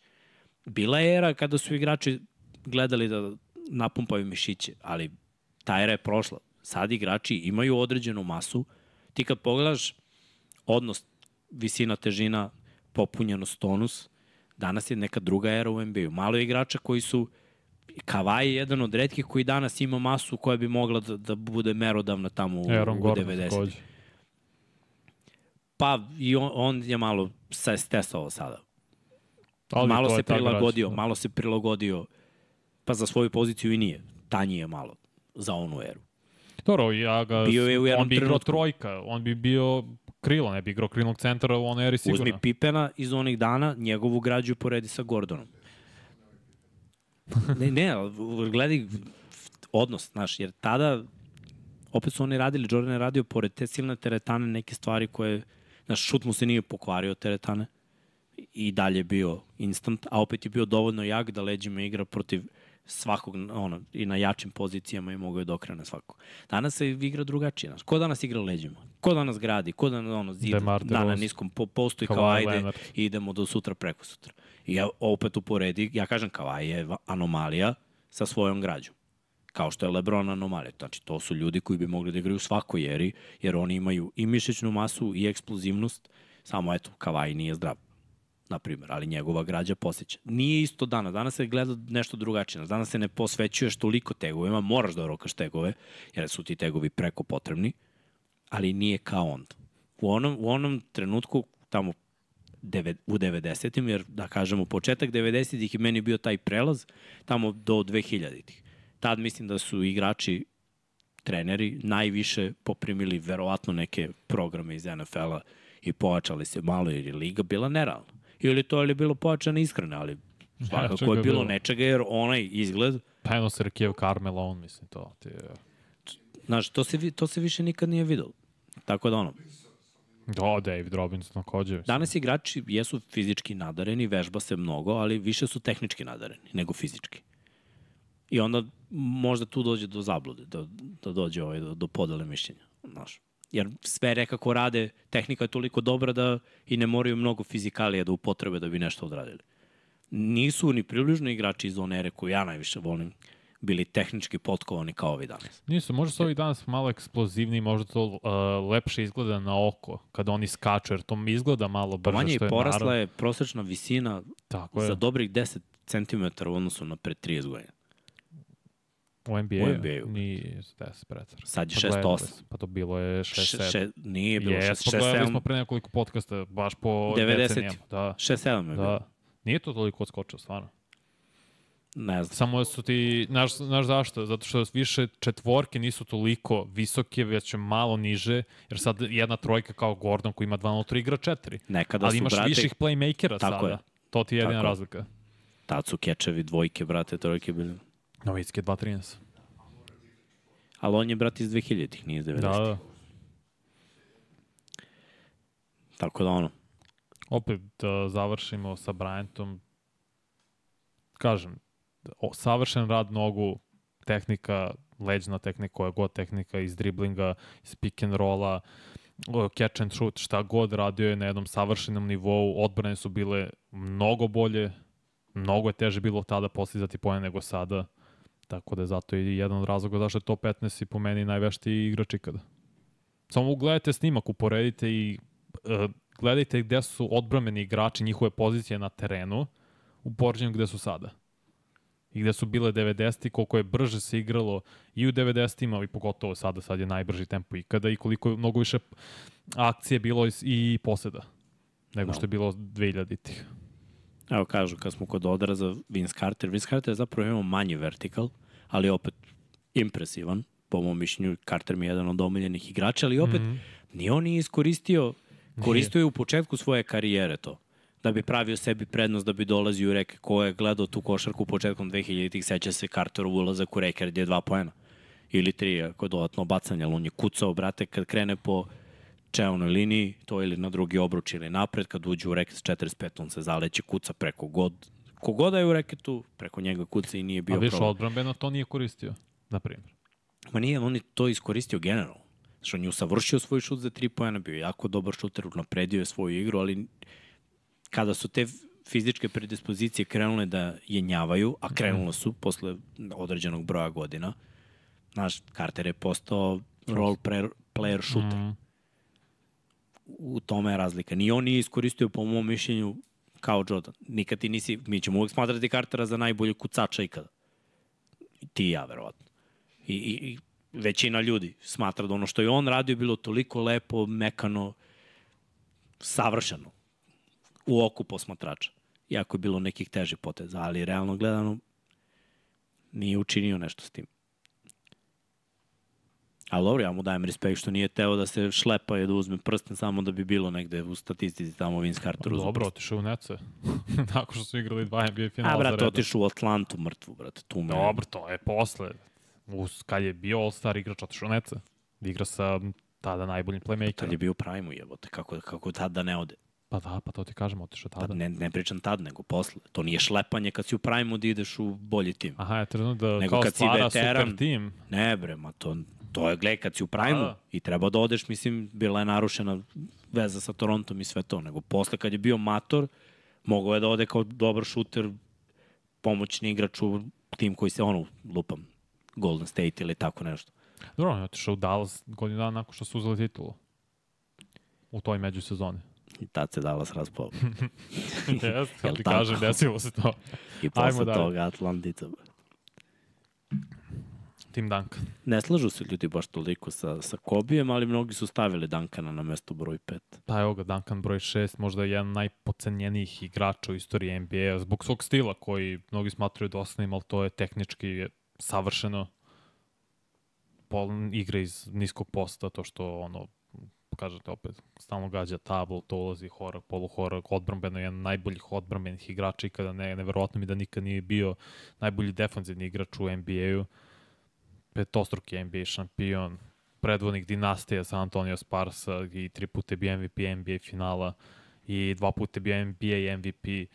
Jedini igrač koji je 15 puta bio All-Star, All-NBA team i 15 puta u defanzivnoj petorci u istoriji NBA. Tako da za, skroz zasluženo to što je Duncan šest, na šestoj poziciji. Inače, evo ljudi kažu kako manji vertikal imao Carter od Jordana. Mislim, to se sve, ne, ne, nisam ja to izmislio, to se meri na kombajnu. Carter imao 43 inča. Nekad je bilo dobro u takmičenju za kucavanju, a pre nego što krenu da se takmiče, pisalo kojim je bio izmereni vertikal. Jordan je jedan od redkih koji je imao ovaj, 48. Dunkenstein neki je imao isto 48. Hmm, koji se isto tako, tako da mi bio nadimak. Ne mogu sedim kako se zvao čovjek. Volao bi da mogu da uđem, ali nešto Nego je ono, lepota Carterovih poteza je bila tako da meni je delovalo lik skače 50, ali, ali dobro. Uh, ajmo, ajmo, ajmo. Malo da pričam. O Timo Duncanu, ja obožavam Timo, Tim je legenda. Pazi, Tim je od kada je ušao u, u ligu, bio jedan od najboljih na svojoj poziciji. Legitimno je vodio ekipu svake godine. Bio je glavni igrač svake, možda je to tek tamo u finišu ovo kada se pojavio Kavaj i ona titula pre, kada je on usporio malo, pa više zavisio ono od Parkera, njegovog zujanja, ali tad je bio igrač koji je jako doprinosio. Uvek u vrhu što se tiče odbrane uvek u vrhu što se tiče inteligencije pametnih košarkaških poteza. Uvek u vrhu što se tiče napada, skoka, uvek u vrhu što se tiče sposobnosti da bude lider, da vodi ekipu i, i da ono ne bude velika zvezda iako je najveća zvezda bio. jeste taj tim iz male sredine, gde nije ono veliki grad itd. itd. pa je možda bilo i lakše, ali opet gledaš sva imena koje su ovaj prošla kroz San Antonio, u eri tima Dankara nije bilo većeg igrača. Da. Pritom, toliki je respekt imao čitave, znaš, ne znam ko je to pričao. Mislim da je Barkley rekao, ali ovaj, znaš, smeo sam se, ali je bio pravo, kao San Antonio Sparsi, vrhunski tim su dosadni, brate. Ni, znaš, ono, ti ne pričaš Kao o njima. brokoli, to ništa, to. znaš, ništa, ništa se ne dešava, Yes. ono, ali oni dobijaju, kidaju, brate, igraju prelepu košarku i sve to. I možda to ne ostavlja dojam. Evo, vidio si ono, Jordan, ludilo potezi. Lebron, opet mnogo priče, ludilo potezi. Kako prolazimo u listu, znaš, sve je bilo dankanje liko i onako iz senke, Magic, asistencije, haos, ludilo, ovaj imao skyhook. Tim Duncan imao šuto tablu koji ulazi uvek i savršeni pick and roll i sve je drugo. Sve radi čovjek na terenu. Tim Duncan ti je najpribliženiji Karimu u neku ruku. Karim je bio sličan. Samo što je Karim imao momente da je i glumeo i sa Bruceom Lijem u filmu, mislim. I tako i još i u par filmova je bio. Ali po Duncan je mentalitetu bio je sličan. dosadnija vrh, zvezda, razumiješ? Jeste. Iako je vrhunski igrač. Mislim, ja sam to ne sam obožavao i njihovu košarku i navio sam uvek za Duncana i gledaj taj njegov šut o tablu. Ja i dalje je naj, najbolji šut koji postoji. Najsigurniji šut. Kako je on to rešavao, svi ti njegovi potezi, kako je unapredio svoj, svoj ovaj, stil igre, kasnije kad je bio matori, kako je smršao da bi ostao pokretljiv u jednom trenutku da bi mogao da produži svoju karijeru još nekoliko godina. Znaš, igro je dokle su ga noge držale. I to je za, poštovanje. A jeste, ali on, evo, raz, zašto je Bryant peti, a ovaj šesti? To finale zapada 2008. kad Sparsi šampioni, to je brane titulu iz prethodne godine što su pobedili Cleveland i mladog Lebrona. Kobe Bryant sa lošim timom ih je razvalio tom finalu. To je objektivno lošiji tim su imali. To je Gasol je došao na pola sezone krajem februara kad je bio trade deadline u pitanju sredinom februara, pardon. Oni su ušli tamo, Bryant je za čitavu seriju proseku po meču šut, šutno dva bacanja, ja ne znam kako on postao 30 nešto pojena protiv tih Sparsa koji su šampioni tada smatra najboljim tim, on ih izbacio. Znači, ta jedna serija mi dovoljno govori ko je bolji igrač bio, makar meni, ko je veći igrač. Zato što ako ti imaš bolji tim, a imao, imali su bolji tim kao uh, šampioni tada, čovjek je uspio da ti izbaci sa dva bacanja u proseku. A pričamo danas To su, to su nepredvidive. Znaš, opet tekme su bile tvrde, Mm -hmm. nisu bile tekme od 250 poena, Ne. jel tako? To je još impresivno, zato je ovaj Tvrde beleži tekme, 30. mnogo šuteva, znaš, mnogo dobrih odbrana i na kraju se sve svodi na jednu loptu. I ono, ko se tu dobro snađe, mislim. Gledaj, bilo je situacija da ono, dve sekunde do kraja tim Duncan pogodi šut koji je za pobedu i koliko ostalo 0-4, Fisher dobije loptu iz auta i šikne i lov, eto, dobiju Lakersi. se sećaš toga? Da, to je bilo 2004. Razumeš, ima, ima i tih stvari. I sad, sad, sad kaži ti mu Duncanu, ej, Bra- Burazeru nisi uradio sve što je trebalo. Pa šta je trebalo? Da ostane loptu u rukama još nu- 0,4 sekunde. Šta da se radi? Ali ovaj... Svako ima svoj, opet, ovo je subjektivno, svako ima svoj ovaj, način rezonovanja, svako ima slobodu da kaže komu je gde. Vanji je ko bi broj pet svih vremena i to je to, nekome je možda neko drugi. Ali svakako, da li je na mesto broj 5 ili ko što Aleksa kaže ovde 8-9, mislim, Izgledam beleže 29 poena u toj seriji. ma dobro, ne sumnjam Ne, da, da se ispravim. Jedan poen manje više, nije to ni toliko važno. Tim Dakan je bio vrhunski igrač, bilo je par situacija kada su oni timski pre svega mogli da urade nešto više. Eto, možda ta jedna titula koju su izgubili od Majamija bi, onda bi čovjek imao šest. I tu je imao posljednji šut nakon Allenove što je pogodio i promašio polu floater. Da je to dao, eto, oni bi opet dobili i bilo bi ćao zdravo. Ali dobro, možemo imamo dalje. Srki. Najbolje. Nećemo preći nikad ovu listu. Ne, ubrzit ćemo se nakon 10. Shaquille O'Neal. Shaq Attack. Pazi, Možda najdominantniji igrač u poslednjih 40 godina. Nisi mogao da čuvaš Shaquille O'Neal. pa ono, mogu si da Mogu da iskoristiš jednu od velikih slabosti njegove igre, a to je da ga teraš da šutira bacanjama. Da... čovek je to, čovek je to una, unapredio. Dalje mi nije jasno kako su samo oni i Bryant po jednom uzeli nagradu za MVP-a. Pričamo o regularnom delu sezone, ali ovaj period Šeko od 2000-ih do 2002. treće, stvarno smatram da je tad bio najbolji igrač u ligi. Je to bilo... Ne možeš da ga čuvaš, prosto je prevelik, shvatio je ozbiljno i trening i sve i bio na, u životnoj formi. Zato su Lakers i osvajali, naravno, pored Bryanta, te ti ne možeš ovog unutra, čuvaš. Ovi kad napravi Shaq ima probleme s faulovima, baš proti Pacersa, on izađe iz igre i, ili i Trailblazers, onda Bryant preuzme, reši utakmicu. I žao mi je stvarno jedina je to mana što nisu uzeli više, a mogli su.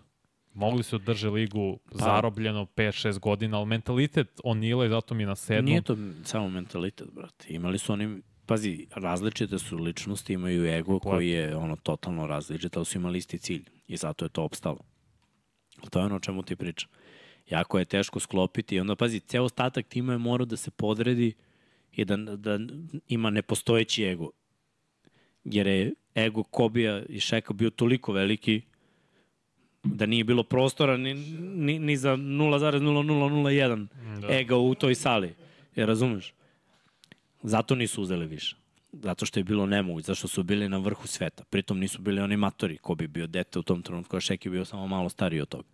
Mislim, i on priča o tome koliko je tad bio nezdrav u, u tom periodu. Šta je on ušao u ligu? Nije ušao u ligu mnogo ranije. 92. Razumeš? Sa 20 godina. 8 godina bio u ligi. Nije bio mnogo mator, nije bio veteran. Znači, on je dalje bio, a pritom krenuo da osvaja. Osvojiš jedan put, drugi put, treći put, pff, ti si na vrhu sveta ti si na vrhu zveta, misliš da si najjači, da si... Pritom je lik stvarno, liga se podredila njemu. Pravila su posle krenula da se menjaju zbog njega, ekipe vrte, draftuju centre, drže četiri centra u ekipi zbog mm -hmm. njega. Zato je taj utisak da, da je on u stvari mnogo dominantniji, da je on bio glavni u celoj priči. Zato što je bio zajebani i teži za čuvati. To ne znači da je bio bolji, ali na, svoj, na njegovoj poziciji u tom trenutku je bio najbolji. A ta pozicija je imala vrednost mnogo veću od pozicije 1, 2, 3, 4.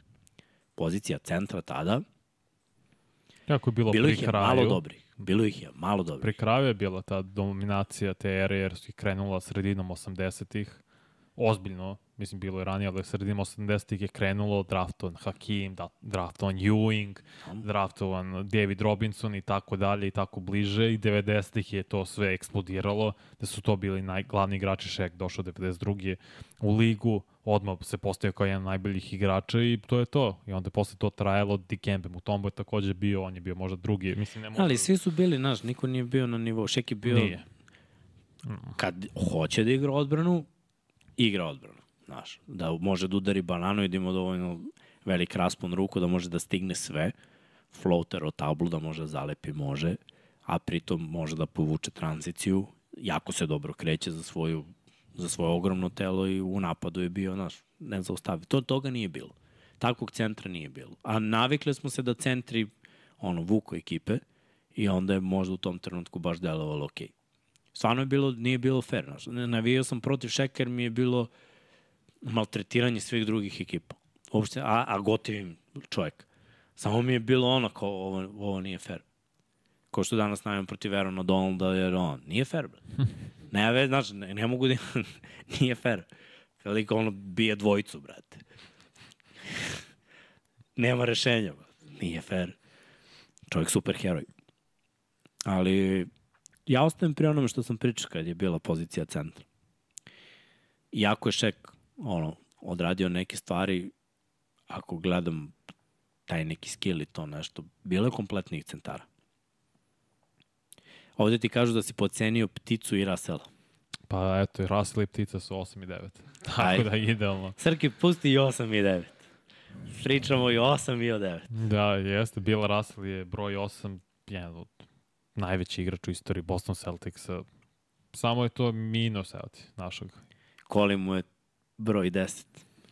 E, ne, nemoj, nemoj, idemo 9, 8 i 9. Dobro, zašto je Bill Russell na ovoj poziciji pre svega jer su njegovi timovi imali nekoliko stari igrača pored njega i taj Bob Cousy koji smatra pionirom i čovjek koji je postavio kako se igra pozicija playmakera. Mislim, ovo sve već znamo, 11 puta NBA šampion, 5 puta NBA MVP, All-Star igrač, svake godine kad igra All-NBA igrač, defensivne petorke su te kasnije bilo uvedene, tako bi bilo i toga više, gde smo spomenuli da nagrada za defensivnog igrača je tek krenuo od 83. godine i toga bi imao dok je Larry Bird najbolji belat u istoriji NBA-a.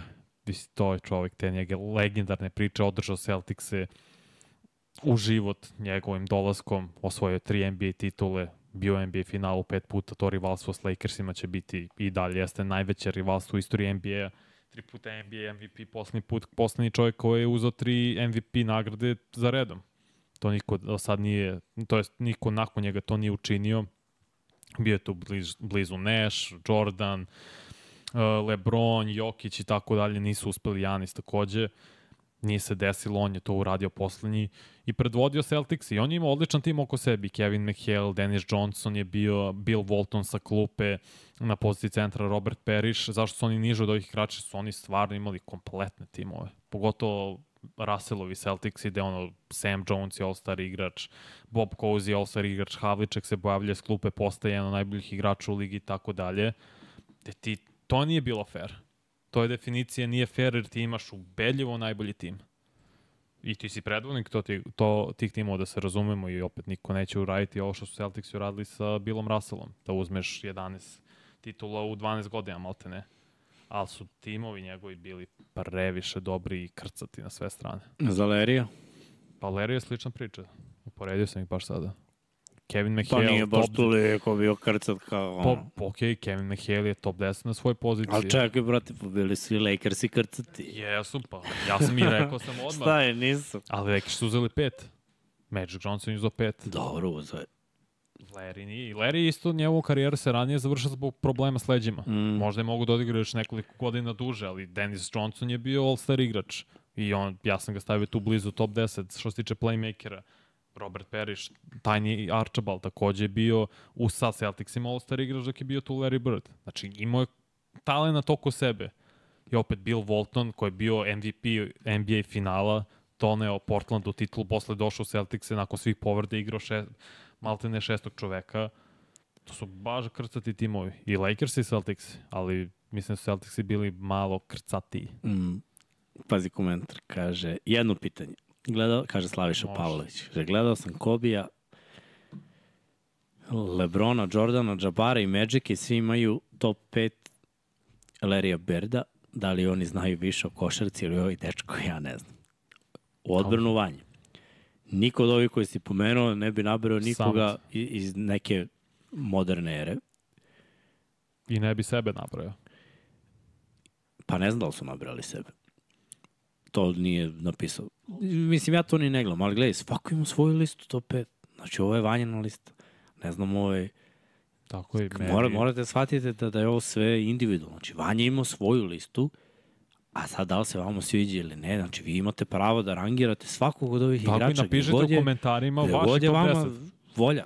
Znači, niko ne osporava veličinu. Bitno je samo kad bi nekog izostavio s ove liste, To bi e, bilo. E, to bi bilo, to bi za toga direkt. Ali ovo gde je stavio ovog, da li je ovaj broj 8 ili broj 5 ili broj 3, on gleda to tako, vi gledate drugačije. Ja gledam, ja se s pola njegovih lista ne slažem.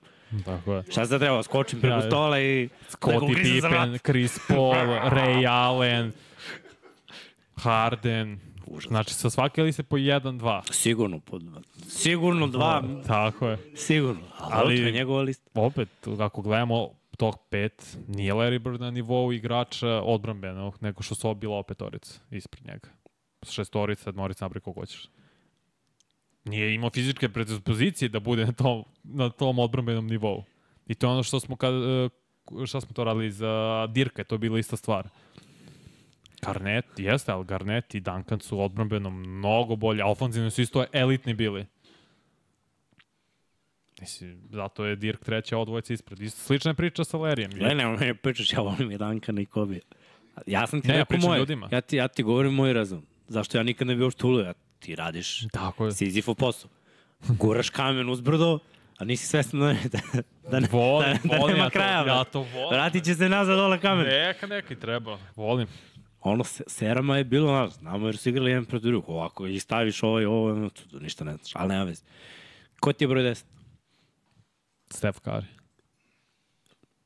Kako da ne bude?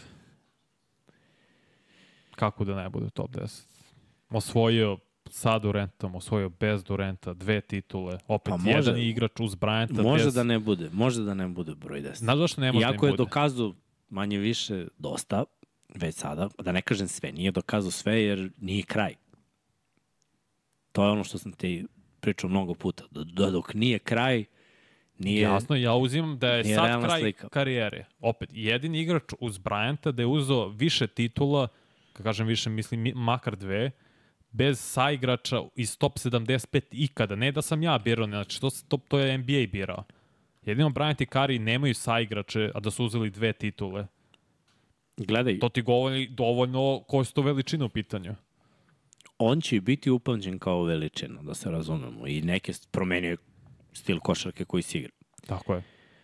Ali ovaj, Četiri su četiri. nema, nema šanse da bi ga stavio u top 10 iz nekog poštovanja prema ovim nekim legendama koje nisu pomenute. Jer eto sad si pričao o tom balansu napad odbrana. Si ono, nije Stef neki defanzivac. Na Najbolji šuter je svih vremena. E sad, ako gledaš tako, da najbolji šuter svih vremena treba da bude u... Ne, ne, ne, za njeme to što je 10. najbolji šuter. Nego A to gledam je šta je naj, ne, njegov najveći atribut. Njegov najveći atribut je što je uzao Dribling. 2022. Ne. titulu sa onim Warriorsima. Ne, ne, ne. Koji nisu igrački imali atribut, dobar to mu je dostignuće. Ok. njegov igrački atribut najveći, kontrola lopte i šut, ali šut je ono što ga izdiže, jer imaš ti drugi ljude koji su vrhunski dribleri, koji znaju da dovedu sebe u poziciju, I obrnuto. ali on je ubedljivo najbolji šuter u svih. Da li uzima, jer možda i uzima najčudnije šuteve ikada. To je ono, kad igrači koji igraju u ovoj eri kažu, znaš, ima tri igrača u ovoj ligi za koje odigraš vrhunsku odbranu i ne mora da znači da nećeš primiti koš, jer uzimaju nekarakteristične šuteve sa nekarakterističnih pozicija iz nekarakterističnog driblinga.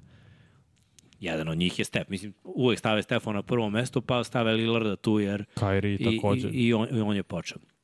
Kairi uzima rezon, ono, šuteve koji su više rezonski u odnosu na ovu dvojicu. Nikad neće vidjeti Irvinga da šutira, ne znam, 9 metara iz nekog Da, ali iz balansa. driblinga i sve Ali to kad je... se uđe unutar tri, naš, uglovi iz kojih on šutira i način na naš, to je već druga priča. Ali realno gledano, Stef im, i, ima svoja priznanje i zašto bi trebalo bude, ali jedino tako mogu da ga prihvatim kao top 10 igrača, to je kao najboljeg šutera ikad. Jer nije ni približno najbolji defanzivac na svojoj poziciji, Nije, propuštao je dosta zbog povreda, Na početku od početka karijere. svoje karijere, pa je propustio jednu sezonu u sred dinastije.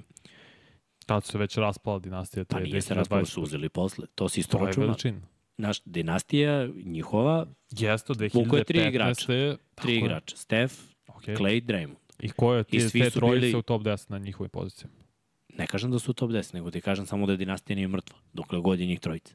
Znači, ona godina koju su prepustili Steph zbog povrede i Clay zbog povrede, a da je bio Draymond s decom, sledeće godine su se vratili, razumeš, ono, i posle osvojili, što govori, znaš, dinastija i dalje tu. Opet, toliko je igrača nekih koji, koji su imali možda teži put od Stefa. Šta mu je lakši put? Dve titule su mu olakšene. Ja se s tim slažem kad je došao Durant. Ja se s tim apsolutno slažem. Ne, mislim, ne može da ali se ne neću, složiš ali jer neću je njemu de da facto- oduzmem to, Ne oduzimam mu ništa. Mnogo je bilo super timova, ja to sve vreme pričam. ali on je uzeo ja bez. Stefa obožavam. Uzeo je. I to je jednu uzeo da je ogroman respekt uopšte što je uzeo, zato što je bila sad ova posljednja titula kada su ih otpisali svi, kad su bili u fazonu, to je. to ono što su radili, odradili, kad je otišao Durant nema ništa, on je pre toga imao MVP kalibar sezonu Jeste. i te sezone izgrmeo, mislim, i osvojili su. Tako da, on, mislim, gledaj, ja obožavam Stefa. Samo opet mi nešto, znaš, kako da nije gotova priča i, i zato mi možda nije nije to to. A ima još igrača, mislim, kad smo sad izašli iz svih ovih lista, koji su imali ono brutalne karijere. Jesu, ali nisu imali bolje od Stefa Karija. Evo, mislim, ko je na sledećim pozicijama su ti Wilt, Hakim. Dobro, glej, Pa Hakim, može pokaži sve, pa ćemo iz, izabrati jednog igrača na izmenično da. Pošto smo prošli top 10, koje je od 11. do 15. po, ili zapravo do 20. tako ćemo i videti jer je tako napravljeno. Wild, Hakim, Isaiah Thomas, Garnett, Durant. To ti je od 11 do 15 meni. Dobro, gledaj, znaš šta mislim o Hakimu? Znam, ja se, ja uh, se slažem da je najveštiji centar ikada. I odbrambeno, i ofanzivno, to stvarno što je Hakim radio. Ja ovo ostatak, znači Wilt 11. Hakim 12. Isaiah Thomas 13. Kevin Garnett 14. Kevin Durant 15. 16. je Dwayne Wade, 17. Dirk, 18. Jerry West, 20. Oh, pardon, 19. Moses Malone, 20. Dr. J. Julius Irving. Znači, tebi su zapravo od aktivnih igrača LeBron, Durant i Steph jedini tu. Da. U top 20. Zato što su njihov rezime i ono što su postigli, ono što sam vidio da su postigli, ne nužno, ne pričam ni o statistici i to brojkama, nego vidiš kako igraju i kako menjaju kulturu svog tima i, i zapravo kulturu NBA. Mislim, Durenta ja stvarno dok ne mogu da stavim, ovo je sad pričamo, ovo je grafika za Hakima. Pogledaj, Durant je možda i visoko, ali ajde. Pričat ćemo, okay. doći ćemo. Da Doćemo do toga. Gledaj, Hakim je opet, kažem neke stvari. Neko izbacio na YouTube samo ovaj, njegove poene u finalnoj seriji. Ko je? Svaki koš. Protiv? Nixa ili protiv uh, Uh, Orlando? Orlando. Svaki koš, brate. I gledao sam, znači uzao sam da pustim onako i uživam, brate, gledam ono i razmišljam, brate, ko je ovo savršenstvo. Eto, znaš, to mi fali kod mnogih igrača da vidim. Naročito danas. Elegancija. Ne samo elegancija. I mnogo stvari daje taj utisak, znaš, savr, uh, savršeno tempirani potezi. Nikad nije potez više. Ni, ni u jednoj situaciji nije bio potez više. Šut sa polu distance je bio savršen. Znači, ono, je bilo bukvalno savršeno. Rad nogu, način na koji manipuliše defanzivno. Znaš, on tačno, Uglove. on, on tačno zna kako napravi jedan potez, reakciju defanzivnog igrača da bi on napravio drugi potez. I vrlo često je pravio i treći nakon toga. Te neke stvari, ta neka lepota i opet potreba sledeće tri generacije da uče od njega. Ga stavlja u neki nivo iznad nivoa. Znaš ono, ne mogu ni da svrstam. To je isto kao što kažeš, ono, Kobe je vežbao Jordanove poteze. I mnogi su vežbali. I opet i njega to stavlja u kategoriju iznad, jer, brate, to je nerealno. Ja verujem da će, mislim, već sad je krenulo, verujem da će za pet godina svi da vežbaju poteze Štefa Karija. Sigurno. Ovo je to krenulo. Znaš, Mlađe generacije već, već je liga počela o tome da ono, taj neka šut koji je bio s zakonom zabranjen, šut iz tranzicije, iz, iz driblinga, iz naskoka, to je glavno oružje Stefovo. I mnogo puta ga upotrebi čim pređe na protivničku polovinu. Znaš, Taj šut je nekad bio stvarno zakonom zabranjen. Ali, brate, možda, znaš, ko zna, možda, će- možda će i on posle, kad završi karijeru, raditi na tome sa nekom novom generacijom, znaš, sada već neki kupe neke fore od njega. Pa to onda, je, će, onda će imati to priznanje. to od, je od celog radio sveta. nakon što je završio karijeru. Pa jeste, Mamba ali zato ko bi spada u, u taj nivo, a Stef ne još. Ali opet ne može ni da spada kad Burazir ima svoje treninge i radi. Znaš. Možda je potrebno da bi videli da on spada u top 10, da on završi svoju karijeru, kakav god da je rezime, povučeš liniju i onda da ga vidimo koliko radi. Znaš, koliki je utisak ostavio, koli, znaš, šta je on ostavio za sobom. Jer mi znamo šta su ovi drugi igrači koji su se povukli ostavili za sobom. Znamo što je ostavio Jordan, znamo što je ostavio Kobe, znamo što je ostavio Hakim. Znaš, za mnogi igrače znamo šta su ostavili. Za Stefa još uvijek ne znam. Pa kako ne znam, napravio revoluciju u košarki, ostavio je, omogućio jeste. je da se tri poena sva, shvati kao najbitnijim šutem trenutno. To je najbitniji šut. Kako Ali to nije samo ostavio, znaš, to nije ostavio igračima. Samo. to ostavio To, to je ostavio analitici, analitici koja danas vodi sport. Nažalost. Nema toliko lepote ko nekad, jer naš, nekad se igralo drugačije. Ja moram potrebim, možda nije potrebno ni pravilno, ali moram kažem, ono, igralo se malo više dušom nego sad. Imao si neki osjećaj šta trebaš da uradiš. Sada uglavnom timovi igraju ne na osjećaj, nego na statistiku. Imaš određeni broj napada, određeni broj šuteva, moraš Slažem ovo da uradiš, ovo, znaš, to, to gubi dušu malo. To nekad nije bilo. I, i, i glej, nije Stef, on jeste promenio da igrači više vežbaju da bi bili na nekom nivou šuterskom kao i on, ali mnoge ekipe izlaze u susret, ta evolucija nije došla zbog njega jer igrači su videli pa kao hoćemo mi ovo, nego su ekipe videle razumeš, ko sprema taktiku za utakmicu je video i bio u fazonu, e, igrači, aj vi počnite da šutirate, mi ćemo napravimo taktiku za ovo. On jeste ovaj, Tak, pričali smo o Celticsima tokom play-offa kad pogode određen broj šuteva za tri poena i šutno određen broj trojki, pobeđuju skoro stalno, zar ne? To ti je direktan uticaj Golden State Warriorsa, samim tim i Stefa Karija. pa jeste, ali nisam siguran da pobeđuju uvek, znaš, jer na primjer, Ne, da, ne, da, po, kad bi bila imali je statistika da su pobeđivali u skoro današnje svaku vreme, da, jer, jer pazi, da postoji centar danas kakav je Hakim, u nekoj ekipi koja igra drugačije i našutira trojke. Ja mislim da bi on i dalje bio nerešiva enigma.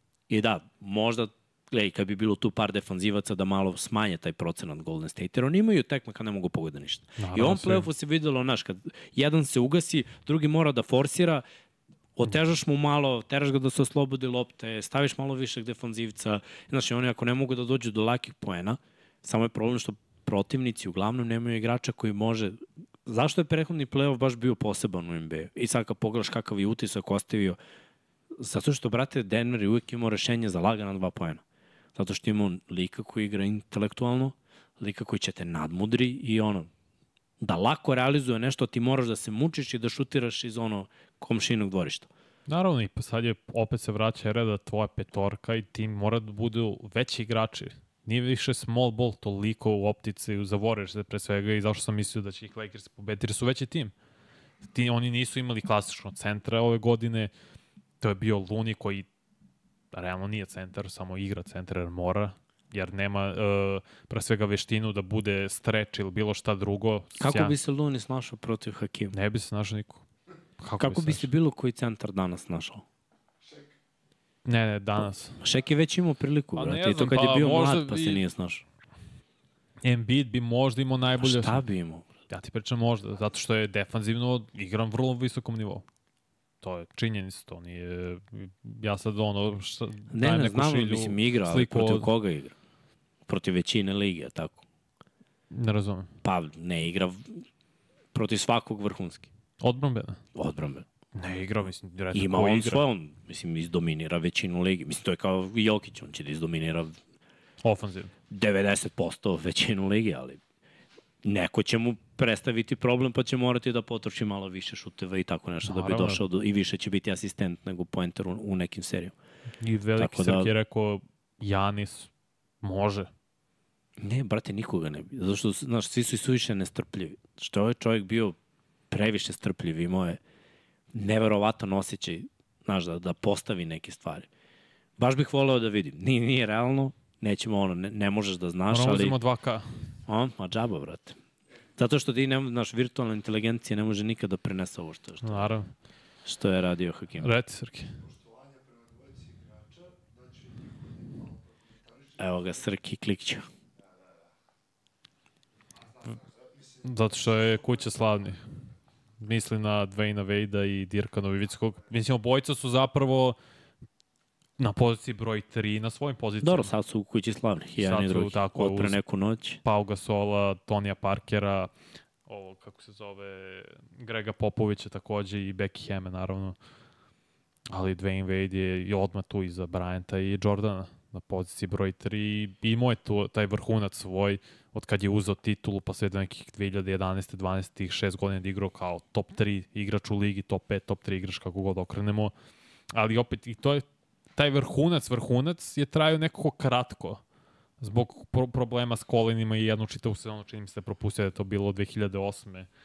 Beše jer su onda imali pika Michael Beasley, pika broj 2, ali Dwayne Wade je ono, i odbrambeno igrao na visokom nivou i imao, možda, mislim da ima najviše blokadi što se tiče pozicije beka šutera i u istoriji NBA kako je sekao do obruča uglove koje je on pronalazio, le, šta je sve činio u vazduhu zapravo, kako je kontrolisao telo, to isto redko ko može da uradi.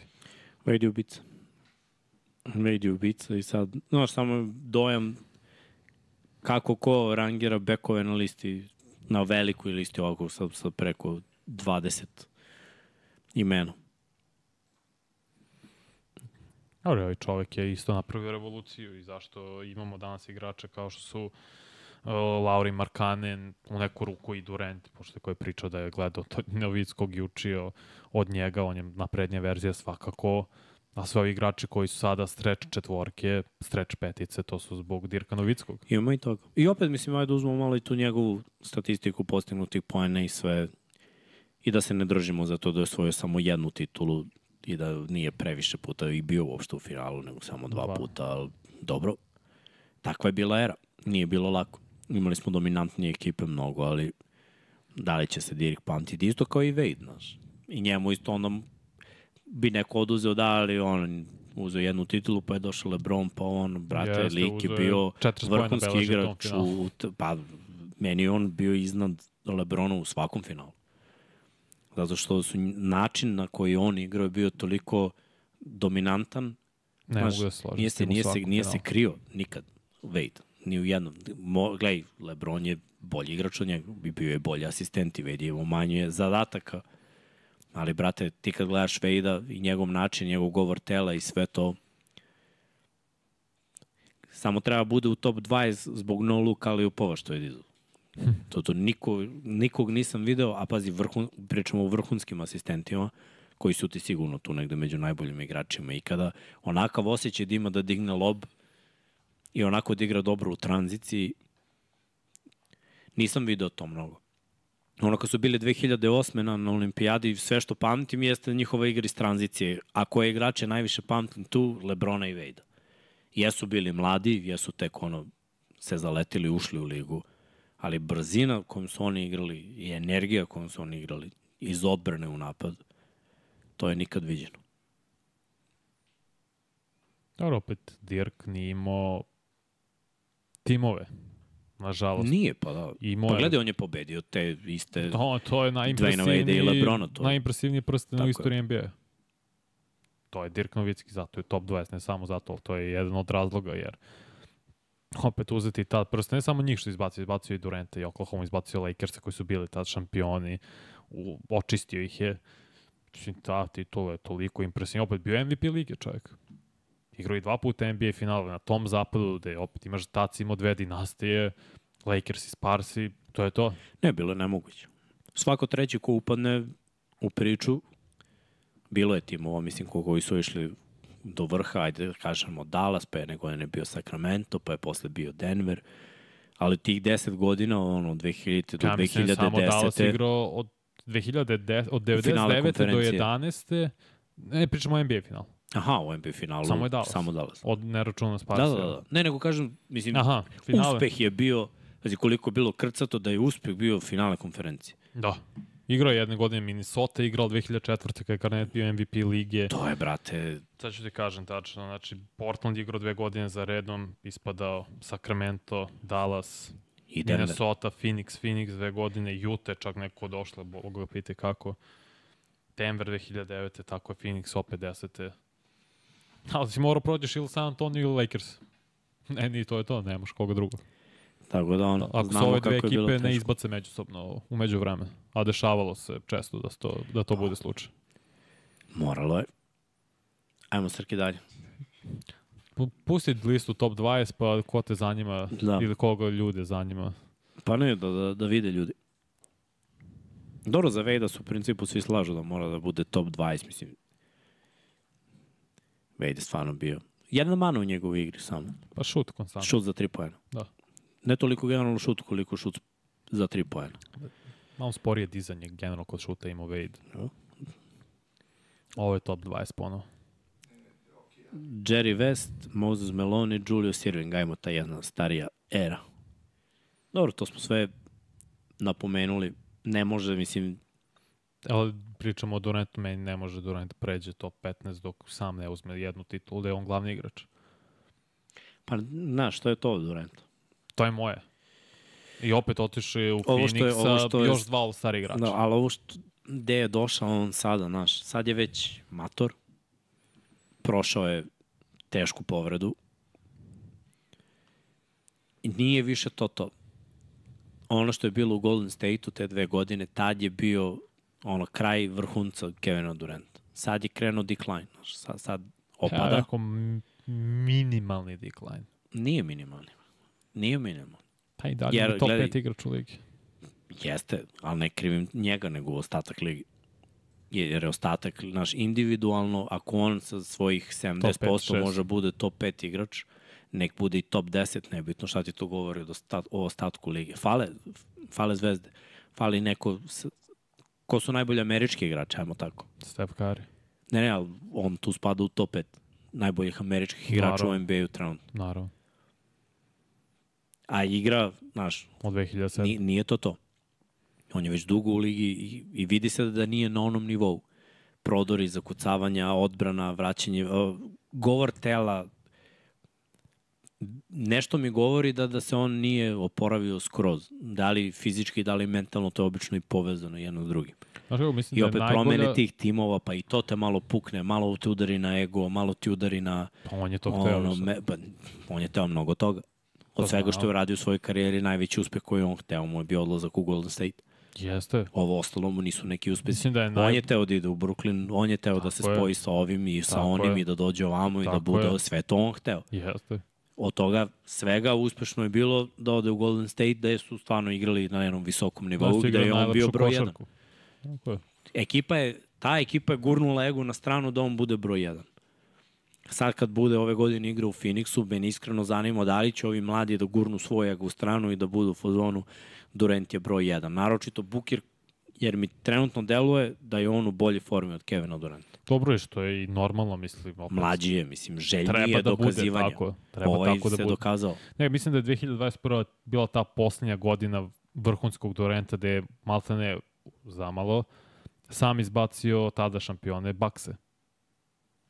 Irving nije igrao zbog povrede, Nije Harden je bio. bila zadnja loža. Meni je bio, mislim da je dao je čovjek tom nivou. 50 poena u toj utakmici gde je milimetar odlučio od toga da oni prođu dalje, a zapravo da ne, odu, da ne idu u, u, u ovaj produžetak.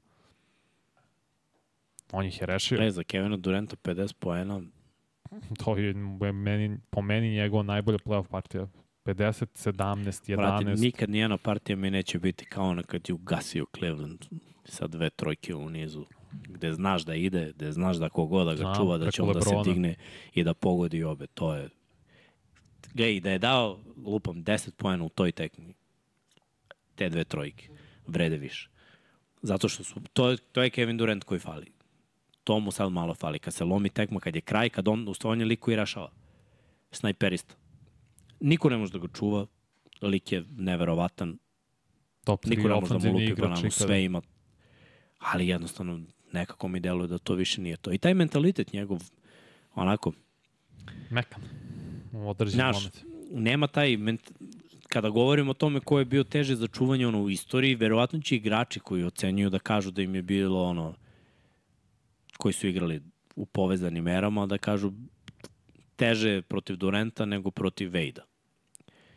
Ne znam da li, ono, protiv Novickog, broj pojena u karijeri, 15 mi deluje onako darežljivo baš za njega.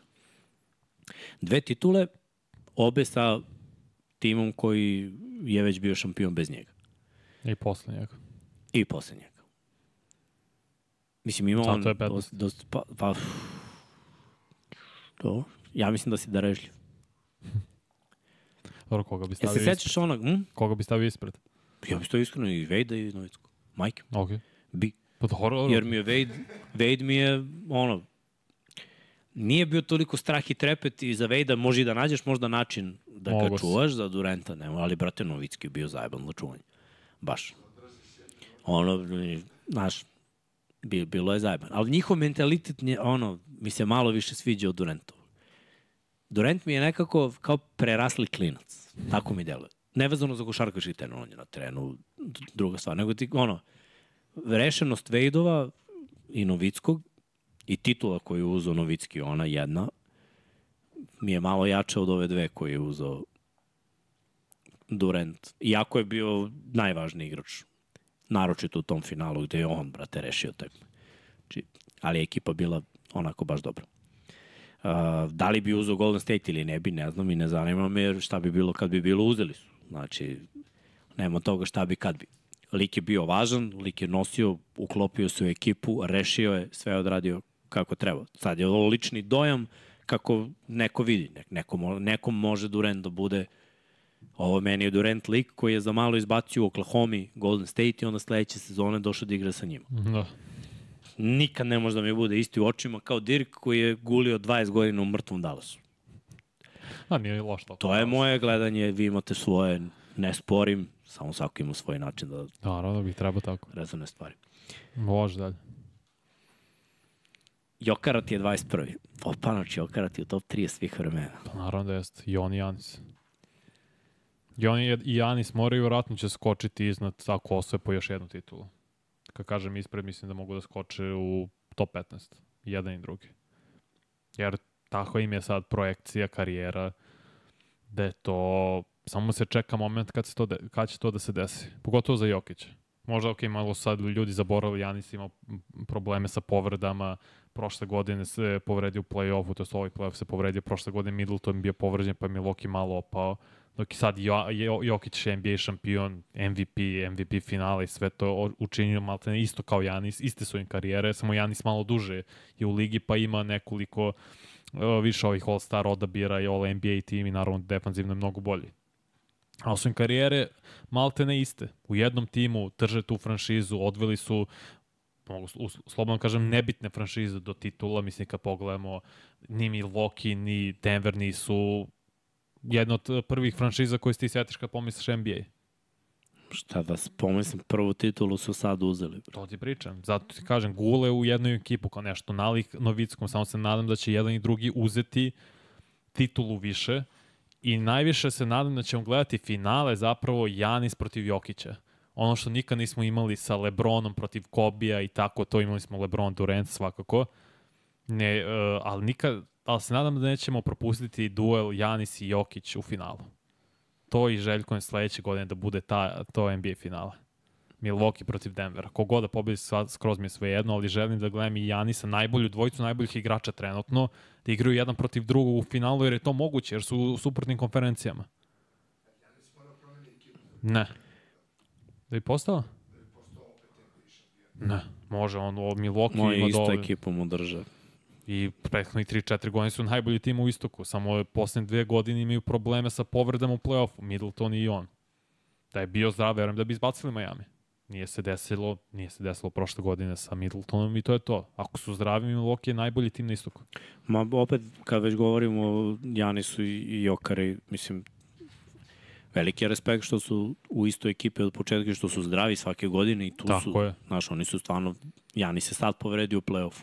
I to na ne, Mislim, nerealan jebi ga, način. desilo Pao se. je, mislim, na leđa. Kad igraš na nje, ono, kako on igra, Tako je. bilo je pitanje vremena samo kad će da padne. Nezgodno. Tako da, znaš, stvarno nemam ništa, opet taj neki mentalitet ne, ne, mogu, ne mogu da osporim. I opet kako vode ekipu, znaš, vo, vo, vode i primjerom, ali na drugi način. Ovo, šta znam? Nisam pristalica ovaj, igrača koji još uvek su na pola karijere da budu na listi. Znam, ali ne mogu ovakve igrače da nastavim na listi. Ja sam taj koji volim to presečem karijeru do sada šta je uradio. Ako je dovoljno uradio, bit će na listi. Ako nije, neće biti. Čekam on. Zato Dončić, na primjer, nije na listi. Ja verujem da će ostvariti Al- bogota stvari, ali prerano je. Pa, on bukvalno ništa nije uradio da bi bio na listi. To ti pričam. Prerano Jer imaš je. mnogo igrača, znaš, i, iz prethodnih era koji su, znaš, završili karijeru, ostvarili imaš tačno ono, suma su- sumarum, šta je? Jesu, ali su ostvarili manje nego odvojica. Mojim očima, opet. I ne pričamo samo o individualnim stvarima, već kako igraju, kako su promenili igru. Igraju obojca totalno različito. Igraju, da, ali ajde ovako, mislim, Klej Jokić će, pro... njegov stil igre će promeniti, ali da bi njegov stil igre promenio, potrebno je da nađeš centra koji je dovoljno ima smisla za ovo nešto. Ko ti, jel, po, postoji jedan NBA igrač trenutno mlađi od Jokića te podsjeća na njegovu igru? Ne. Znaš ko mene podsjeća malo? Šenkot malo iz Houston. Ali on ima fizičke predispozicije. Jokićeva Okej. igra se baš zasniva na tom nedostatku fizičkih predispozicija. Jer danas je u u NBA-u, mislim, znaš i sam kako ide u NBA-u. Nema prvo finta šuta, nema prvo ono, finta šuta dodavanje, nego je prvo dribling, pa ćemo vidimo šta će bude. Koliko igrača koji ne igraju taj stil? Bukvalno možeš na ono prste dve ruke da ono, ih nabrojiš. Malo. A visoki igrači tek ne igraju na taj tim stil. Jer da bi krenuo sa vrha kapice da igraš i da asistiraš, prvo mora da imaš šut sa vrha kapice. I, i sa trojke. Je li tako? Mislim, ono, što bi ja prilazio tebi ako ti ne možeš da daš taj šut. Naravno. Koliko ima centara koji mogu da pogode taj šut? Malo. Trojica. To je suviše malo. ako da je etno i To je suviše, kao centar. mislim, ali to je suviše malo od 30 ekipa. E sad, Davis ima neke fizičke predispozicije, on nema potrebe da, da radi te neke stvari. Znači, on želi da ide da ko do koša, da kuca, da lupa banane i da skače. To je sve što on radi. Ne, ne razmišljaju toliko široko. Janis kao visoki igrač, odbrana, tranzicija, trčanje, kucanje. Tako razmišlja NBA, u tom smeru. U tom smeru će da ide liga. I većina tih igrača će da razvija šut za 3 poena. To i vidimo sada. Mm -hmm. Sve više visokih igrača koji mogu da se dignu i da šutnu za 3 poena, ali sve je manje onih koji smisleno mogu da rade više stvari. Znači da može da lepo isprati u odbrani, ali da se u napadu sve zasniva na njegovom šutu koji može da bude sa bilo koje pozicije, da je prekriven šut uvek uz neku fintu, uz neki pivot, da ima jako dobar šut sa polu distanciju, da asistira, brate. I naravno da pick and roll bude osnov, jer malo ekipa danas vrti, vrti pick, and roll, više ekipa vrti izlazne kretnje sa gomilom nekih blokova i ono, šut za tri poena i naravno tranzicija, to je tranzicija odlika NBA, mislim. Današnjih, da. Što brže se igra, što više posljeda, opet to je analitika. Hoću da kažem da mislim da nećemo vidjeti ikada ili ćemo vidjeti ih jednom u ko zna koliko godina igrače kao što su Jokić i Janis. Janis zbog njegove konstitucije, građe, želje kako je došao do toga. Ali mislim da će pre da se pojavi Janis nego Jokić. Vrlo moguće se pravi, jer je bio sličan igrač, samo vešti od Janisa, ali nije imao te predispozicije kao on. To je Garnet. Visok, dugačak, duge ruke, može čuo malo no. svaku poziciju, samo što je ovaj vešti mnogo nego Janis. Razvio po, igru s distanca, polu distance, lepo deli loptu, sve ume da spusti u dribling, ume Janis, naravno da se razume, samo je šut i ta elegancija razlike između Garneta i Janisa.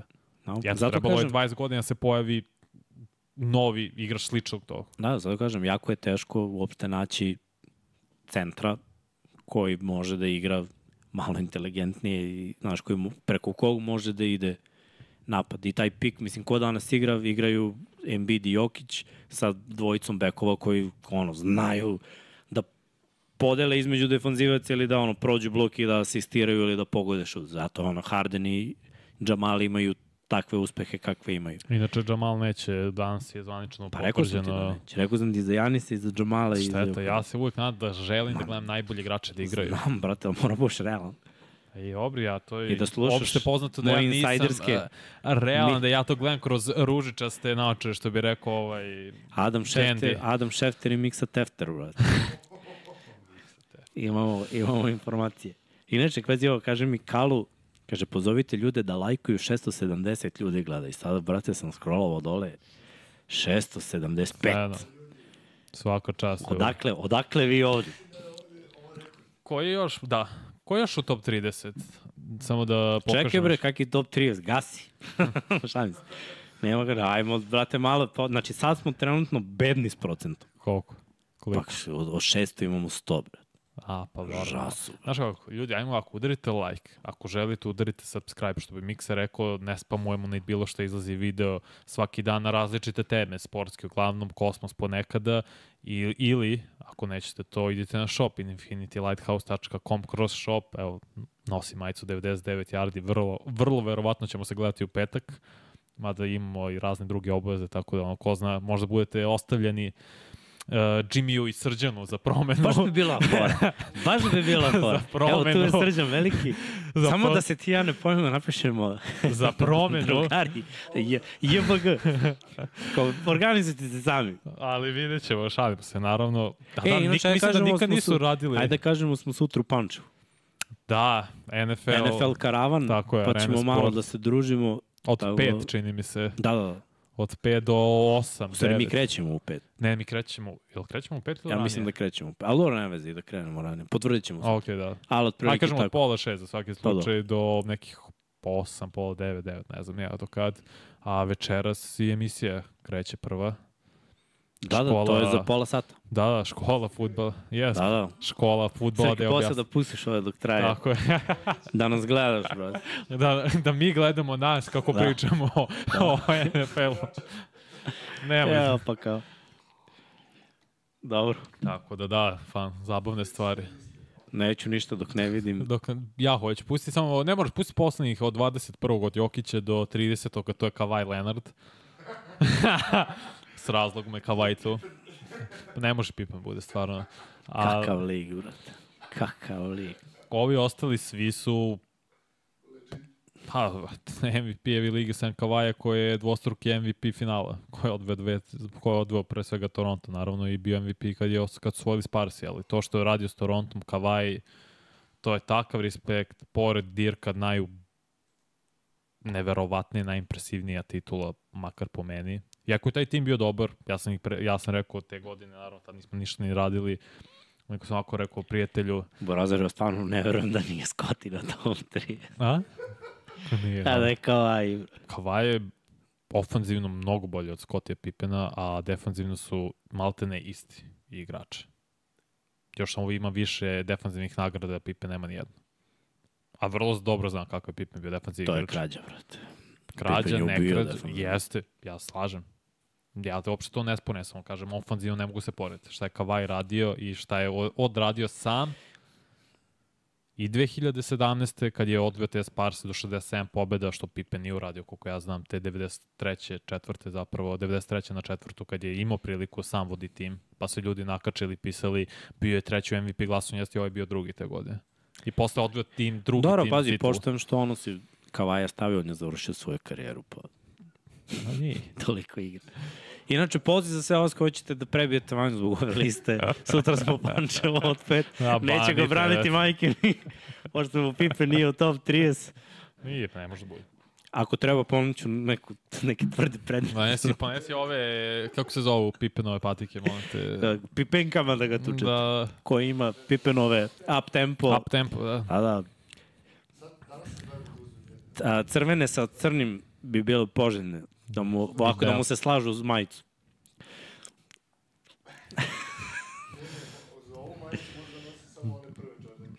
Ne E, mogu, belo isto.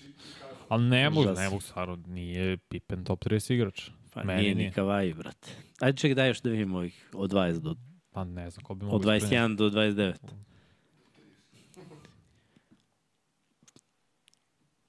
Da. Vidim, vidim.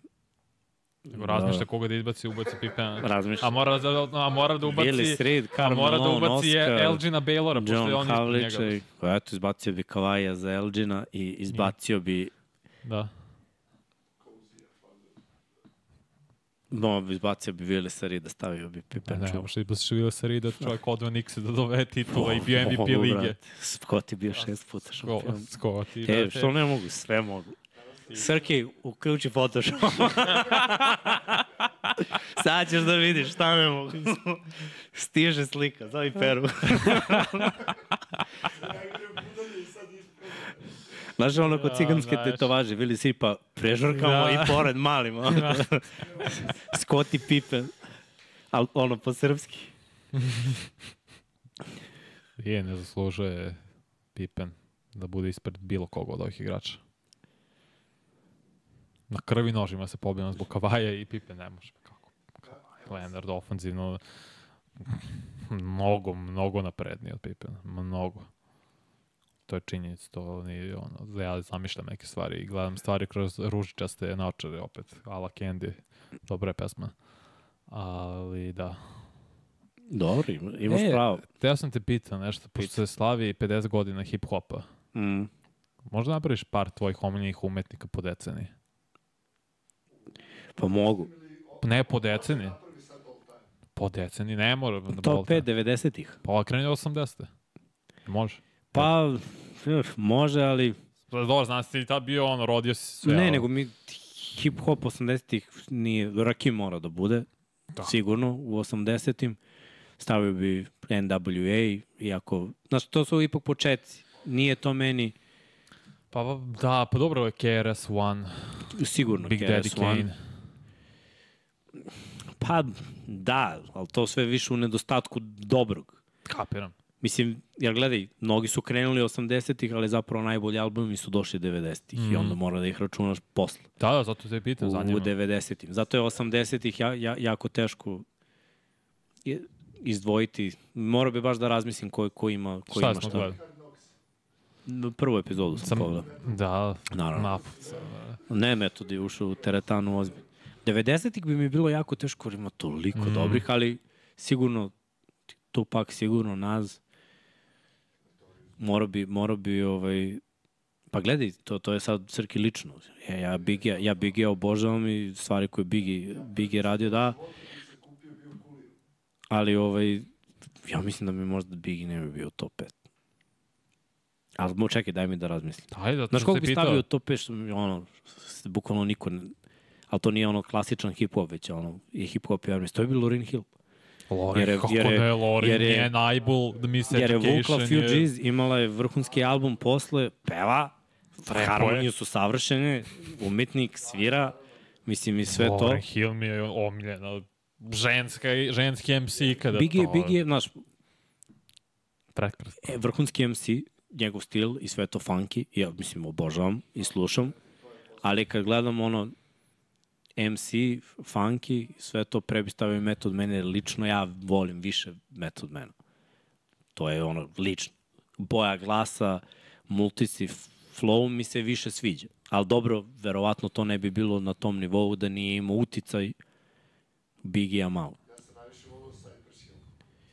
I Be Real, mislim i sve što su... Cypress Hill je... Jer ja volim rock, 80-ih? ja volim rock dosta, ali njihovi najbolji albumi su posle izašli. Da. Ali ovaj, ja volim njih dosta, su baš ko prati Tiny Desk, može da pogleda njihov, njihov koncert. Te su pričali malo o svojim najvećim hitovima, kako su uopšte izbacivali i, i šta je bilo. Da se kaže LL Cool J iz 80. Dobro, da, on bi upao, on bi upao pre, nije, pa a šta je Big Daddy Kane, brate, pimp, Da. je, brate. Ima ti njega na Tiny Desku, ali mislim, Jest. Njegov entrance na Tiny Desk Da. da. najče. Da i, ovaj, i, mislim, ruci su mi isto, ono. Da, da, ja, da, opet- znam da voliš da ruci. Ja opet, A dobro, to je soul, to je R&B, soul vuče Jer- na hip-hop. Jer, da, jer Black Truth ima isto o, o, ozbiljan vokabular. I to mora da uzmeš obzir. Znaš. Ima, bo, ima dobrih repera koji nikad nisu izašli do izražaja. Naprimer, uh, sve moramo da uzmemo u obzir. Ali ako, ako baš pravimo ovako da, da je neki album i da neko, jer ti individualno, imam ljudi individualno kog bi stavio ovamo i nam. Pređi, pređi. Kaže kako Vanja menja temu. iskusno, iskusno je pobegao od pipena. Nulte. Ljudi, ovo je 50 godina hip-hopa, ja obožavam prvi hip-hop miksa jer živi u tome, mislim je ono... Da, Quest Call traje obožavam. Da, zajebano je. Ali stavio bi sigurno od 2000-te pa nadalje Pa ne, od moraju da 10, budu, nulte, 10 moraju da budu Eminem i 50, Dobro.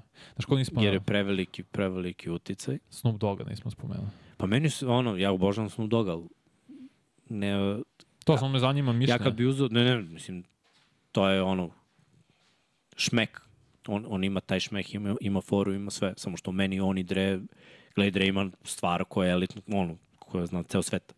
Stil Dre, mislim, i ovaj, kad je bio halftime na, na Mm, Super Bowlu, bilo ti, je. mislim, znaš sve od reči do reči i sve to, samo ono, Dreu je tekst napisao Jay-Z i, i njemu i Snoopu i diktirao njihov flow, mislim, manje više. Ja ti onda Jay-Z u nultim. Pa da, jebi ga, brate, lik im je na, ono, znaš, on je smislio.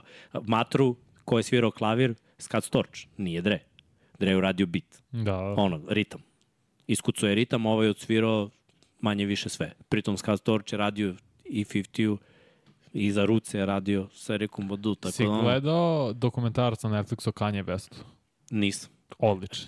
Mislim, verujem. odličan. Ono, ja bih ga stavio. nešto. Uh, da, No, on je, brate, too much za mene. To je ono, pre, previše. a on je sve te matare smišljao iza Ne, ne, ne. Jay-Z-a. Iz... Ne, ne, znam. Pretalentovan. To, to je producent. Da, da. On kao izvođač meni je ono, too much. I kao kao lik. Pa nije mi to, nije moja ono, my cup of tea. Aha, okej, okej, pitam. Razumem. V- Mislim, primetio si da volim kad neko Mm. peva da zna da peva. Zato a ne da pusti zato autotune, jer gotiviš onda svi znamo da pevamo. Tako je, ali on je ovo novo, od 2010.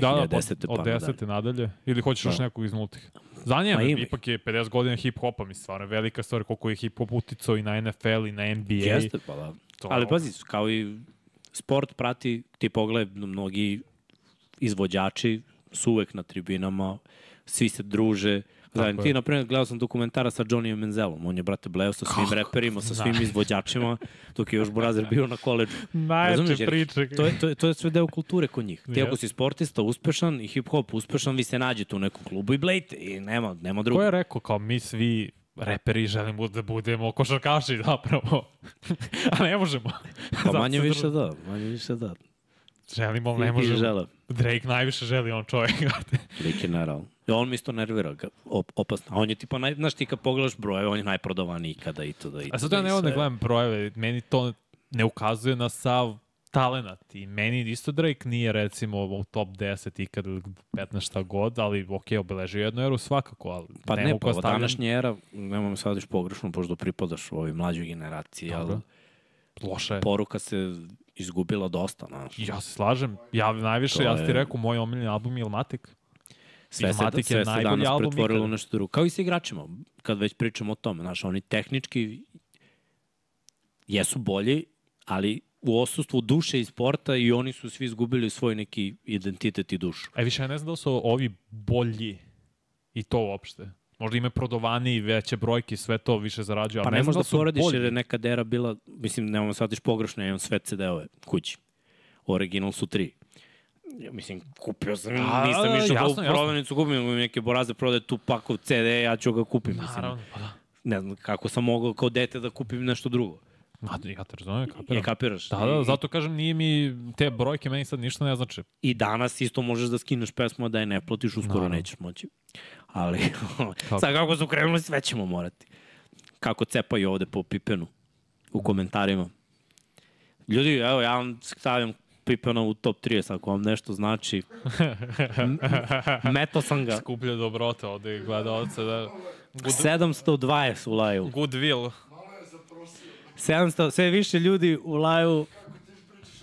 Evo ga, Drake je u laju, kaže Pippen. Mora da, mora da Pa bude trebi top Drake 30. rekao Kavaj, pošto mu donao titulu i gledao ga u Boga. I ovo Kavaj kad se pojavi u spotu Drake-a Brate, i ja kad vidim Drake Fu- tamo na Futura. polovini terena kada dobacuje nešto igračima, A on ti je ovaj, kako se zove, Kako moderna verzija Spike Lee, šta? Spike Lee. Pa da, jeste. Ne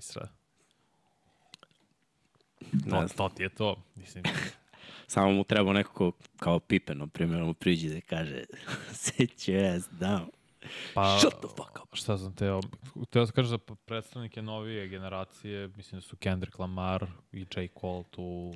Pa zato što, znaš, imaju, imaju neku poruku. Znaš, I Imaju, ovaj, imaju utici uh, pređašnjih generacija. To je, to je razlika. E da, T.I., to, to, to niko da te pitam.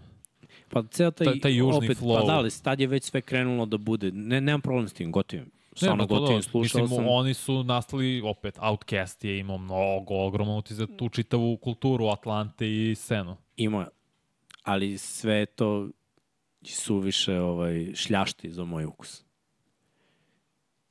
Ne, mo, ne, ne, mož, ne mogu ja da se poistovetim s njima. Sa, sa mnogima i njihovim pričama. Znaš, jer broj jedan, nemam dijamante, ne šljaštim, nemam 100 kurvi, nemam 20 automobila, ja razumeš, taj, taj život nije moj život. I znaš, sve to čemu oni pričaju, Znaš, ne prangijam s ortacima. Ne možemo da se poistove, ne možemo da se poistovetimo nikako.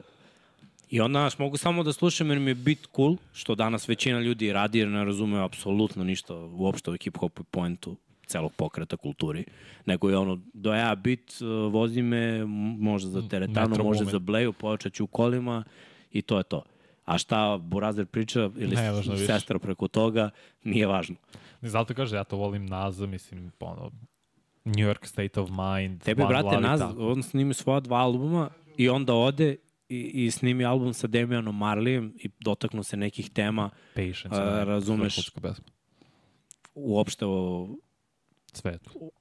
u pogledu na svet, o tome šta je važnije, šta treba, kakav čovek treba da budeš, kakav prijatelj treba da budeš, kako treba da gledaš.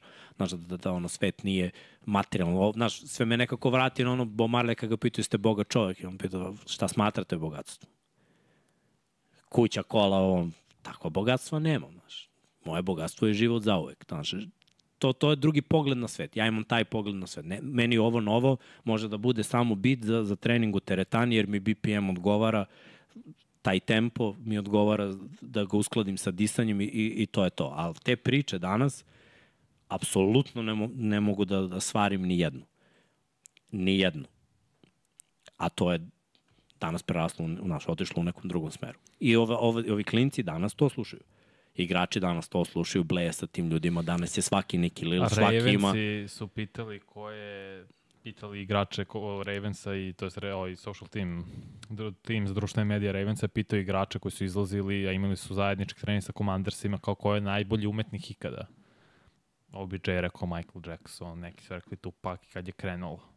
Drake, Lil Baby, eh, NBA, ali Young znaju, Boy. Ali oni znaju, znaš šta, opet, ja se zgrozio. Gledaj, kroz ove liste, zašto se tebi divim?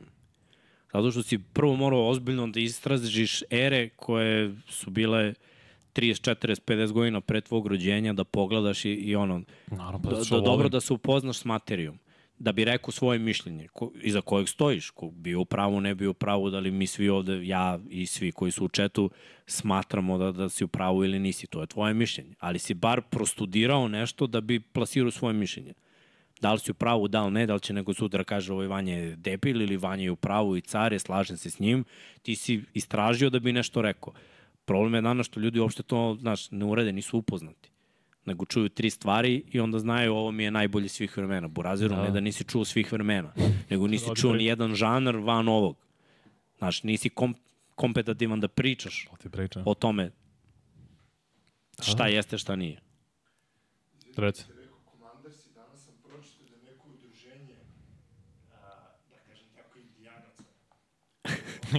Ja, dobro. Da Redskins. Oh.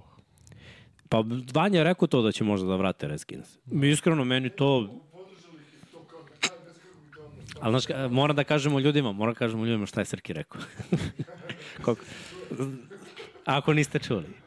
Kaže, udruženje nekih indijanaca. Kada u Srbiji kažeš udruženje nekih indijanaca, obično misliš da skupinu nekih od, određenih kretera je tako kažemo. U stvari su ono, starosedeoci.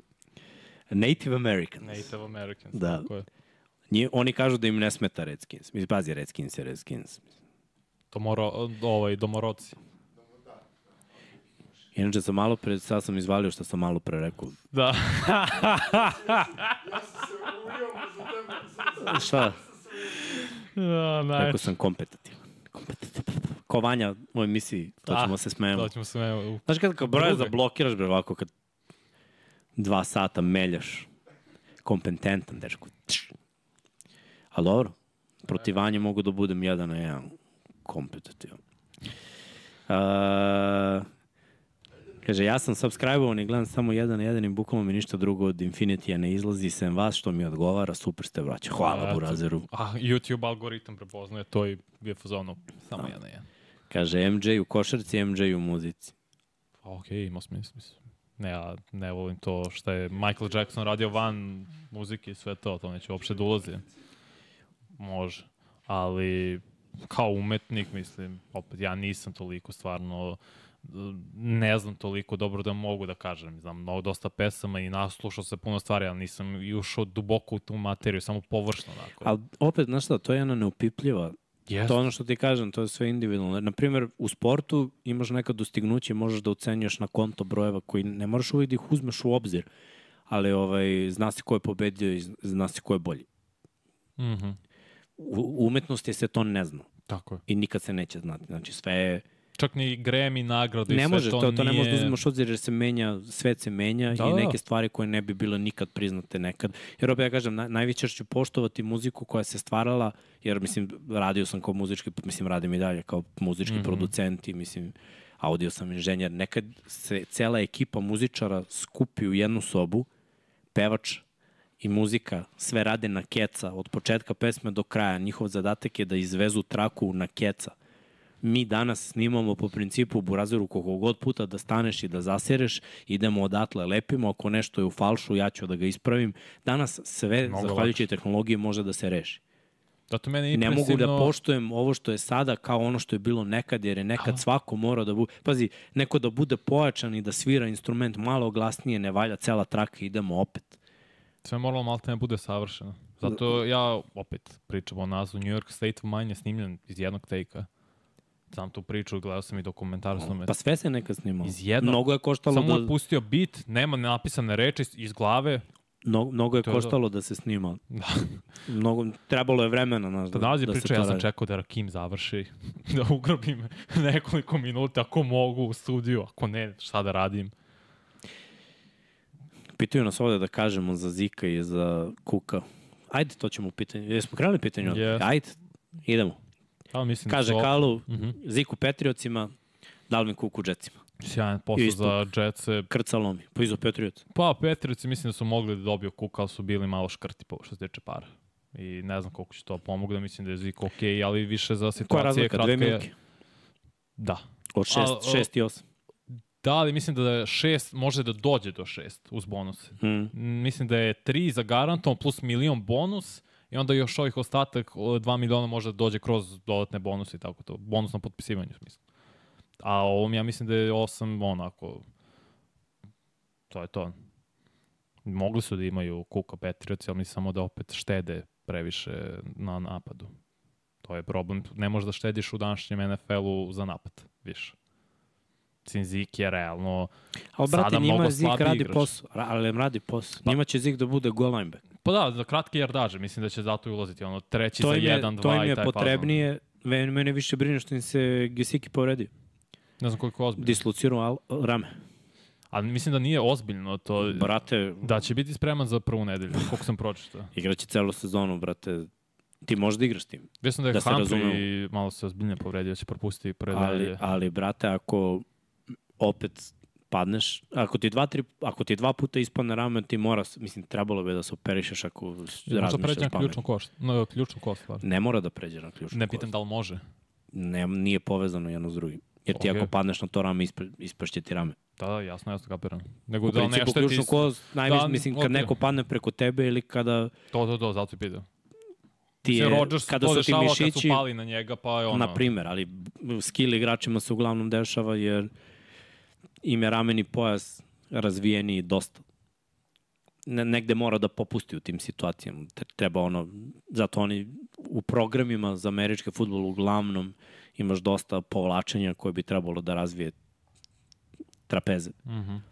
Da je povezan, mislim, vrat razvijaš, moraš zbog kacige koju nosiš svaki dan po ceo dan, ali da, da sve bude ušuškano tamanda da jedino kad neko s velikom težinom padne na tebe, a ti si baš ono po 90 stepeni, tu nema pomoći, ali za sve ostalo, kakav god bio pad, to sve mora da se iskompenzuje i da ne pukne kost, nego mišići da absorbuju sve to. Tako je.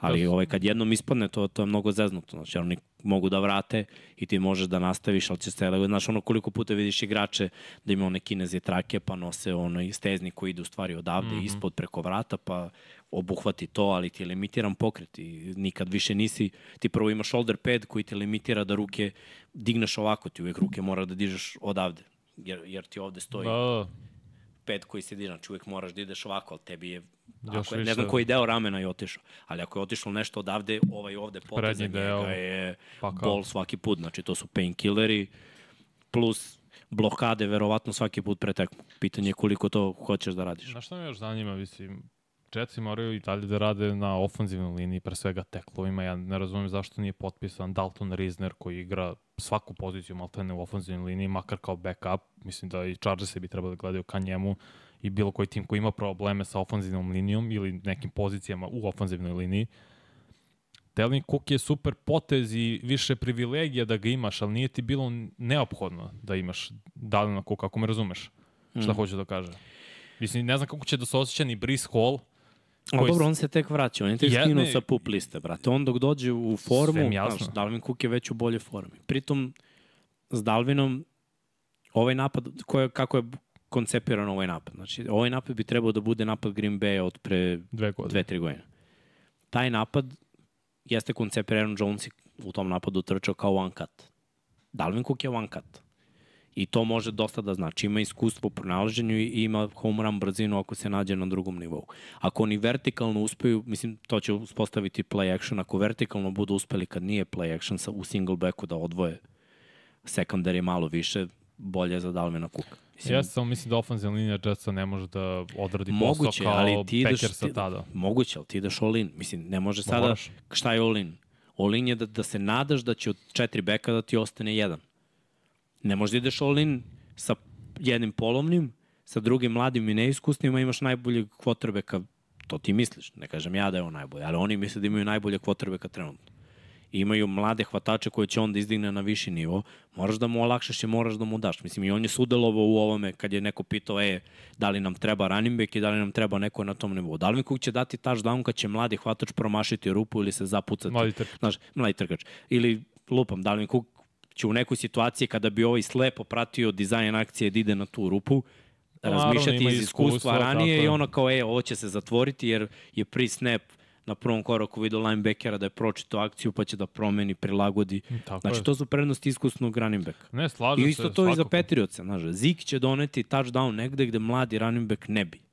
Jer ima iskustvo da, da promeni, ali davno su prošli ti njegovi dobri dani. Teo sam da kažem, inače, vezano za Rodgersa, s razlogom je uzeo manje para. To je 35 miliona koje Jeste. yes. vratio Jetsima i plus no, dodatna vest jeste da je, o, kako se zove čovjek, Zach Martin potpisao novi ugovor Jeste. sa Cowboysima, Skoro- 36 miliona da. dve godine. Za garantu. Tako i to moraš za Hall of Koliko Fame mu je bila? igrača. Bila mu je 12-13, a sad su mu digli na 18. Da. Da. 5 milki više po sezoni. Moraš, mislim, čovjek je zaslužio te pare, najbolji je gard u ligi. Nije uopšte di, diskusija ko je to u pitanju, to je on. Hall of Famer budući skoro, ne skoro sigurno, nego 100%. Tako da ih htio se kažem sada Kuka, da, jedini igrač, opet ponavljam, poslednjih četiri godine, svaki godine preko 1100 yardi i trčanje. To dosta znači. Imamo pitanje, Nikola pita, jel možete nešto reći o PJ Doziru koji je došao u Partizan pre neki dan, izvinjavam se ako ste već pričali o tome, nismo. A imamo ovde jednog velikog fana Partizana, Šta misliš? ko ne zna? Srki Veliki, naš brat iz realizacije, ne propušta utakmice. Voli, voli Partizana, voli Partizana. Ja ti se Ovaj. sviđa to Srki, a? Pre svega je defanzivni igrač Dozier, igra u odbrano vrlo Dobro, visokom je- nivou. Pa, znaš kako, ja nisam očekivao da će Biku Partizan više potpiče, ali ovo je super stvar za njih koji mo, čovjek koji može da pokrije više pozicija, mislim, sa svojih skoro 2 metara, 2 metara. Glej, dug je, ima raspon ruku, naravno, kao i svaki igrač koji u NBA-u atleta je. Čim dođeš iz NBA nove prostore, dovoljno si ono, verovatno si brži od svih. Veći si atleta. Pa, Nije. Mislim da nije, zato što Exum ipak ima tu neku... Mislim da je Ima- malo ima- krupniji da. od Exuma. Krupniji jeste, ali ne znam da li je bolja atleta nužno. Mislim da je bolji atleta, ali da nije jači. Ali opet njegova dužina može da ga stavi u situacije da ne mora uvek da ide. Exum je, znaš, mogo da ode kroz meso. Da, ali ovaj ne može. Nisam siguran, ovaj- možda, gledaj, nisam siguran, jer opet nisam gledao, ja ni za Exuma nisam imao neko mišljenje na konto onoga što je on igrao u NBA-u, dok nije došao u Evropu. A onda dobiješ neki drugi utisak jer je druga konkurencija. I to znam i po ovim mojim, to znam i po ovim našim igračima koji su dolazili iz Amerike, znaš da je jedna brzina i onda dođu ovde i oni kao čoveč, ovo je sve drugi uglovi i sve. Znaš, treba, treba vremena da se prilagodiš, ali ako klikneš, onda, onda je mnogo lakše jer je spori, spori je pace dosta. I onda to može da mu donese dosta prednosti. Ali defanzivno zbog dužine bi mogao da bude bolji defanzivac. Naravno, opet ja kažem, odbrana se uglavnom igra iz, iz srca i iz glava, što to je nešto što kažeš sebi, ovaj lik me neće proći, dajem 100% sebe, radim na tome i to je to.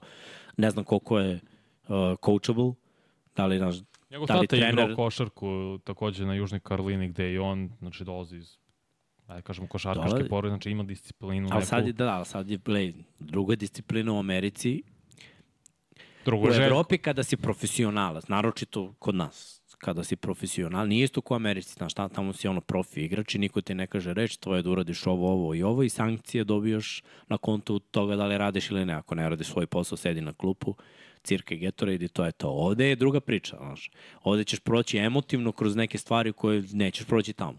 Jer ovde niko nema dlake na jeziku i u principu, da ne lajem, ali znate na šta mislim.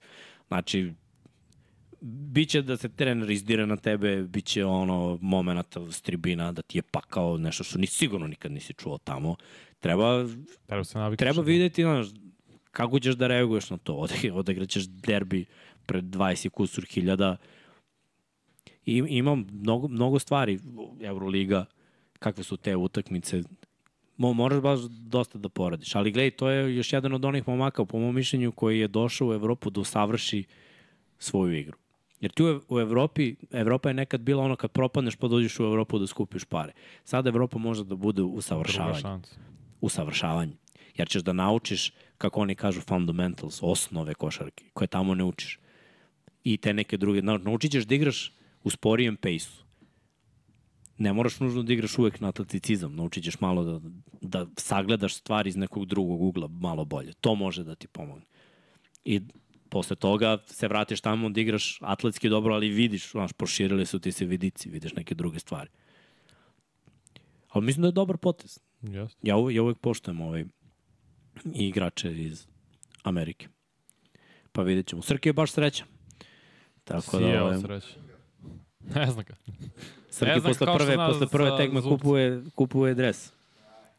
Igrača. Opa, Srki Opa. kupuje domaćeg igrača. Dres, dres. Ajde, vidjet ćemo. te. Stavljamo ti kameru ako budeš kupio. Da. Otvorit ćemo se za kadar. Kaže, da li Vanja ima podatak o broju prodatih dresova igrača u istoriji? Zanimljivo je da se danas prodaju dresovi Jordana, Russella i drugih legendi. Da li ko može parirati Jordanu po tom pitanju? Pa mislim da ne može i drago mi što se i dalje prodaju ti dresovi, nemam podatak. Kako neko ima, nek mi pošalje na Instagramu, baš me zanima, iskreno.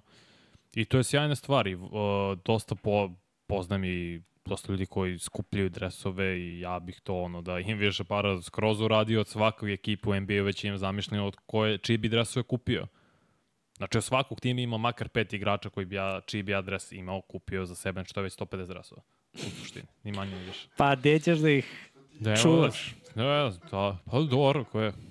Tako da, mnogo mi je drago zbog toga, ali ta, opet, Bulls i 23, to je neprevaziđeno. Kaže, ajde, malo smanjite u NFL-u 1 na 1.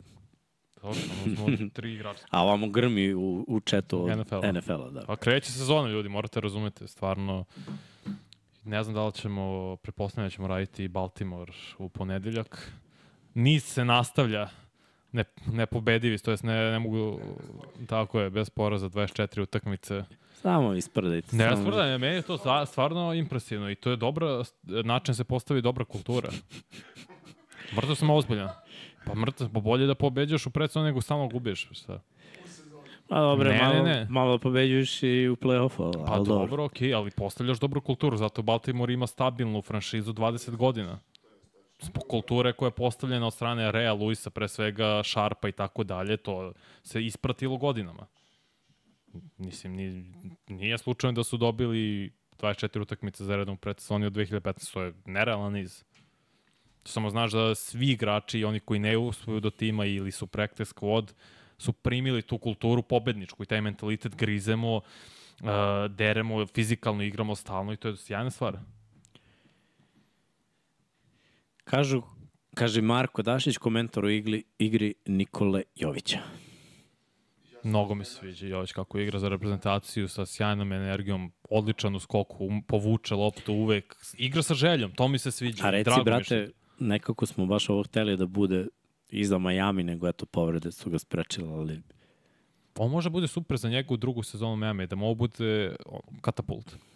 Odigra dobro prvenstvo za reprezentaciju, tu skupi samopouzdanje, ne kažem da će biti kao Markane što odigrao evropsko prošlo pa eksplodira, ne, ali skupi tu samopouzdanje, pokaže na treninzima, dobije veću minutažu nego u, u prvoj godini i malo po malo, zato mislim da je super stvar. I koja je igra. verovatnoća da nam bude top tri igraš na prvenstvu? Pa mislim da je velika verovatnoća da će biti Bogdan Milutinov on. Pa onda Gudurić, Jović i tako dalje. Koji, kom proseku da teži? Šta vidiš?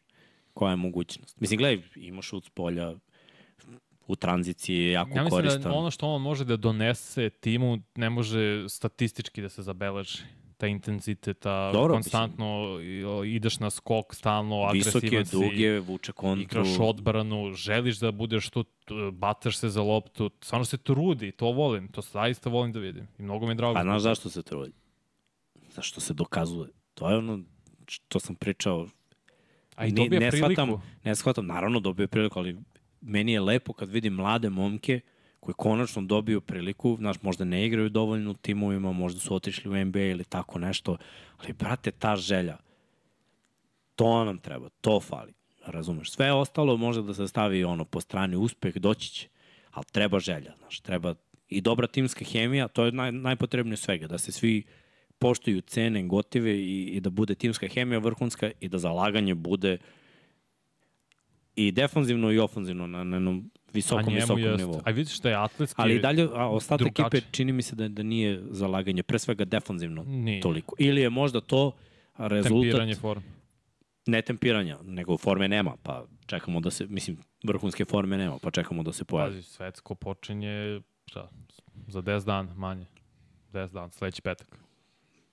Mi igramo Gledaj. u subotu, koliko ja koliko sećam. Možda je umor, ne znam šta je, ali ili su možda moji standardi naša lestvica visoko podignuta za nešto što je forma, ali ipak ideš na svetsku smotru. Gledao sam Mamere tri tekme. Ni oni nisu u vrhunskoj formi, ali za nas izgledaju kao na nitru. Ano, pa ako gledaš Anthony Mislim, za nas, kako ne- igra, za sve. Nemamo sve pogrešno, za sve izgledaju kao da su na nitru. Znači, lete, lete svuda. Da bi njih, gledao sam protiv Španaca šta su igrali. Španci nisu ni približno pokretljivi kao oni. A Ali što mi je drago što igra Rudi i dalje. Ali, brate, da, to da ne pričam. Ali dobro, oni vode na neku drugu foru. Oni su ispoštovali svoju legendu. Ali ostatak ekipe, znaš, držali su se na neku... Al, Do neki tako. ali, ne, ne, ali pokretljivo, što do nekog do kraja tekme su se držali. Bili su tu. Ja bih volao, iskreno, kad bi izgubio kad bi Srbija izgubila od Sjedinjenih američkih država ovako kako Španija sad u ovoj pripremno izgubila, ne bi mogo ništa da kažeš momcima osim bravo. Jer su vodili, okretali rezultat, držali se, nadoknađivali ono minus 10 da ne poraste na minus 20 pa se vrati na jedan posjed. Nisu igrali brzo kao ovi, ali su imali zalaganje. Ono, vidiš trud, brate, vidiš da, da ne popuštaju, da ne žele. To, to bih volao da vidim. Kakav god da bude rezultat i da bude poraz, nema veze. Jer nikad neko da 100%, kada ovo igraš 100%, ti ne možeš ništa da mu kažeš. Osim ono, bravo, bit će bolje sledeći put. Ali moramo da prepoznamo svi da je to bilo 100%. Tako mi bar deluje. Kaže, pozdrav za Srkija, živeo Partizan. Kaže, ne znam, ne znam da li ste već pričali o tome, ali šta mislite o komentarima Jamesa Hardena pre neki dan? U, nismo ne znam, pričali ne, ne o znam. tome. O, Šta je rekao? Pa prvo, James Šta je rekao Harden moj je- omiljeni igrač? James Harden prvo u Kini, ja da, datle krene. Druga da. stvar pred ljudima, znači to nije bila pres konferencija, neki video da on uzao telefon, nego i imao neki događaj pred ljudima i rekao je ovako, ja nikada neću igrati u organizaciji gde je Daryl Morey, koja je lažovčina i tako dalje i tako dalje.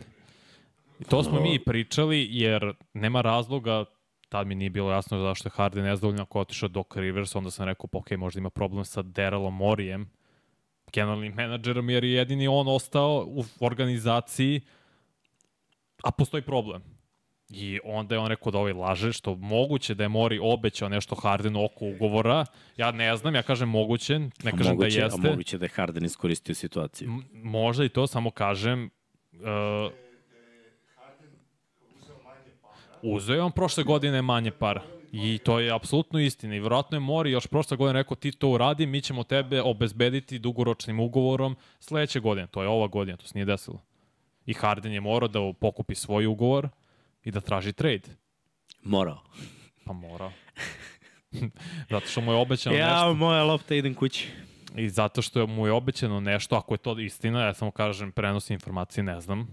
Ako je to istina, istina je da je to uradio da je uzao manje para prošle godine i zato su doveli dva igrača, to je apsolutno istina. A da li mu je obećano nešto da će dobiti bolji ugovor, to je da će dobiti ugovor na uh, više godina zbog toga, on kaže da jeste da je Mori zato lažov i zato više neće da igra u organizaciji gde je on, ako su imali sjajan odnos, pošto je Mori tradeovao za Hardena kad je ovaj bio Oklahoma mm. i posle ga doveo u, u Philadelphia jer je Mori ima slučajeve da je i Chris Paul rekao kad je tradovan iz Houstona da mu je pre nego što je bio trade, Daryl Morey rekao dva dana pre toga nećeš biti tradovan, on je bio tradovan. Što znači da Morey nije baš primer, ono, Dobro, ne može da kaže da, da čovjek drži svoju reč. aj tako da kažem, da. Tako da to se desilo i vidjet ćemo Ovo dobro što, mislim, sloboda govora. Ne, okej, okay, to, to najbolji način da odeš A znaš šta je zašto je je zanimljivo da u Kini? srušiš te mo mostove koji te Da, da. drže. A Znači, znaš nema tu zašto je zanimljivo što je rekao Kini? Što je pre nekoliko godina kad je bio onaj problem Hong Kong Kina, Daryl Morey, generalni tad menadžer Houstona, na, imao tweet gde podržava Hong Kong. I kinezima, ne da se to nije svidilo. Pr- Prvo Houston je broj jedan franšiza u Kini zbog Yao Minga i svega. Pa im onda su im otkazali TV ugovor zbog toga. Znači Daryl Morey je u Kini ono public enemy broj jedan. I zato je on rekao u Kini, Daryl Morey je lažov, to i to. I sad svi, oh, Harden je bog. Jeste, da, Kakav folirant, brate, strašno. Mislim, manipuliše stvarima, to je apsolutno jasno, ali ako je stvarno to istina, onda mora i nije ispo čovek, nije ispošto svoj deo A, dobro, to je biznis, brate. Biznis ne biznis, treba da ispo, ispoštoš svoj deo dogovora. A ne da kažeš, e, Je bio neće. taj dogovor na papiru. Ne znam. Valjda su, valjda su imali tada toliko dobar odnos i znaju se 10 godina unazad da ćeš ispoštovati prijatelja i čoveka, mislim i saradnika. Manja da iskoristim jedan uvod od još jednog uh, repera koji spada po mene u top 5, a to A to je je? Pusha T. Yesterday's price is not today's price. Tako da, to što su oni dogovorili juče, to nije danas, brate. Je, jasno. Ti dođi juče. Kaže, šta fali u Oklahoma da postane konkurent? Da li treba da traduju te silne pikove za nekog gol stara ili još uvek da čekaju novog Jordana na draftu?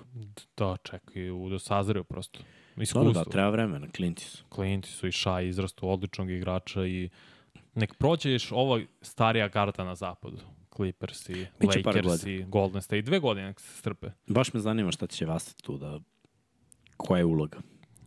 Ali dobro. Znači dve godine se strpe, uđu eventualno u play-off sledeće godine, mislim da su Ne, još je rano, još je rano za poteze. Nema potrebe, znači imaš i Holgram sad ruki godine i ovaj... Aj kad smo već tu na zapadu, pošto mm -hmm. povezano pitanje šta mislite može li Denver da napravi eru svoju i da li je to to od njih. Pa Denver mi deluje kao ekipa koja sad ima prozor od 2-3 godine jer su dovoljno iskusni i opet mladi. Jer idu ekipe u, u zapadu, mislim, pojavljuju se ekipe koje su mlađe i neiskusnije, kao Sacramento, kao Oklahoma, te zajebane ekipe koje dosta New trče. Orleans. Uh, New Orleans još ne bi stavio tu, jer mislim od njih Pa kad su zdravi su... Pa, a to je niko. Ovi igraju i zdravi su. I imamo ma matore ekipe, kao što su Phoenix, kao što su Lakersi Golden State. i Golden State. Tri matore ekipe, dve, tri mlade ekipe i Denver koji je tu u sredini, dovoljno iskustva, zvanični šampioni, mogu nešto da urade, znači sad su već, da kažemo, glavni favoriti. Da, žao mi Ja moram da ih otišao- smatram, znaš, ima tu igrača koji su oni izgubili, oni dalje mogu da, da naprave dobru priču, jer i dalje se sve vrti oko tog pika i njihova dva igrača koji su i dalje tu. Tako da ja mislim da su oni prvi, era njihova bi počela ako bi opet došli u veliko finale, bez obzira osvojili ili ne osvojili. Dva puta da igraš veliko finale, ja Mini smatram da, da, da, da, da možemo da pričamo o tome da ste broj jedan ekipa. Ovako, ako se ne ponovi, nije to to. Ali oni imaju svoje šanse, mlade ekipe treba da teže tome da budu Denver. Brate, pažnju... Jer Denver je imao dosta neuspeha u početku. Bilo ono, hoće playoff, neće playoff, pa Jest. dve, tri godine to, pa onda uđeš u playoff, izađeš, pa uđeš u playoff, pa ono, pobediš, ostvariš nešto, ali ne odeš dovoljno daleko. Borbe, Znači, to je bio proces od 8 godina. Zato mislim da za Oklahoma, za te mlade ekipe nije realno da želi i Sacramento, to je ono jedan ulazak u playoff, ne možeš posle 20 ili play-in. Ne možeš sada da, da želiš odmah idemo dalje. Ne, ajde postepeno. Ajde, ajde da se uđe u play-off, da Tako se je. pobedi tipa jedna serija, pa onda Gde igraš dobro, drugu i stičeš iskustvo, tako, je. prolazi vreme. Slažem Ovi matorci do tad će da se penzionišu ili će da padne nivo igre još dodatno. E, onda je tvoje vreme. Slažem se, ne, apsolutno se slažem, plus dodao bi tu Minnesota, iskreno, pre svega zbog Anthony Edwardsa, mislim da će dečko eksplodirati sledeće godine, da, je, ne, da će njemu ovo prvenstvo služiti kao taj katapult, kao što je služilo Durantu 2010. i tako dalje, Derrick Rose između ostalog, ali nisu bili zdravi. Carl Anthony Towns propustio 53 utakmice i on igra za Dominikansku republiku. I to mi je mnogo drago. Ja vo- volio bi, stvarno mi i žao mi je i nervira me to što Embiid i Siakam ne igraju za Cameron, na primjer. Evo to stalno ponavljam. Ali mi je drago što Karl Anthony Towns igra za svoju državu, Dominikansku republiku. Možda će ništa neće uraditi ili će proći grupu zbog njega. Ok, super, ali igra za svoju državu i to je fenomenalno. Dobro, svako ima. Svako razmišlja na svoj način. Ajde ovako. Yes. Boško Desančić te pita šta fali Pipenu da bude na vanjinoj listi top 30 Pa najboljih, evo, najvećih Pippen igrača u istoriji nije NBA. približno igraču ofanzivno kao što je Kawhi Leonard. Nikad nije tim odveo do Pa dobro, NBA sad titule. s Kavajem koji je na mesto broj 30, nego generalno. Pa dobro. kako Slabiji je ofanzivno svih ovih. Da, da. Ne, vrati listu. Ovih 21 do 30. Nikad nije bio MVP Mm. lige. Nikad nije odveo tim sam. Ja, na ove liste su svi bili MVP ili? Sam Kawhi Leonard, ja mislim da jesu. La, la, la. Da. Svi su bili MVP ligi jedno, makar. To nema, nikad sam nije kao, ne sam, nikad kao broj jedan opcija u timu nije odveo tim do NBA titule, do NBA finala, šta god kao je to uradio. Bio na korak da uradi više puta, da ga nije povredio Pačulija. Nije na nivou Elgina Baylora koji je spasio jednu celu franšizu, to su Lakersi, koji igrao finale 8-9 godina nije osvojio ništa, na letom bolji tim, ali on bio glavni igrač. On, Jerry West, posle Jerry West nasledio, došao Wilt i tako dalje. Uzeli titulu od kad 72. ili koje već godine bilo. Pippen nije imao to. Nije imao da je najbolji igrač u najboljem timu. Uvijek je bio broj 2. I kad je mogao da bude broj 1, došli su do, ka, dokle, do uh, drugog kola, do druge runde. Ispali, ne mogu od koga, iskreno ne sjećam. Da li od uh, Pacersa ili, sad ću te kažem, ili od uh, Nixa te, te godine. Mislim da je Ja. Indiana. Od Pacersa ili Nixa. Oni su igrali finale istoka. I posle opet su izgubili u drugom kolu od Orlanda 95. Kaže, Kalu Pippen bi pojao Kavaje jedan na jedan. Ne bi. Ofanzivno ne bi. Defanzivno su isti igrači. Kavaj bi vodio 10-0 i onda bi se povredio. Mo, to I bi se pre desilo. I Pippen bi ga rešio 21-10. Da bi se pre desilo neko da ovaj pobedi ako su zdravi. Kawhi Leonard je preozbiljno ofenzivni igrač i to možda izgleda to sve tvrdo, mehanički kao robot, ali to ulazi kako god hoćete. I to odbranbeno ne postoji razlika između Kawhi i Pippena. Uh, koji su vam neki omiljeni mladi igrači u NBA-u sada? Pa dobro, složit Anthony ćemo se obojica da volimo Antonija Edwardsa. On je onako sve, full paket, sve ima i, i šut i prodor, atleta je i zalaže se i vodi ekipu kao mladi igrač.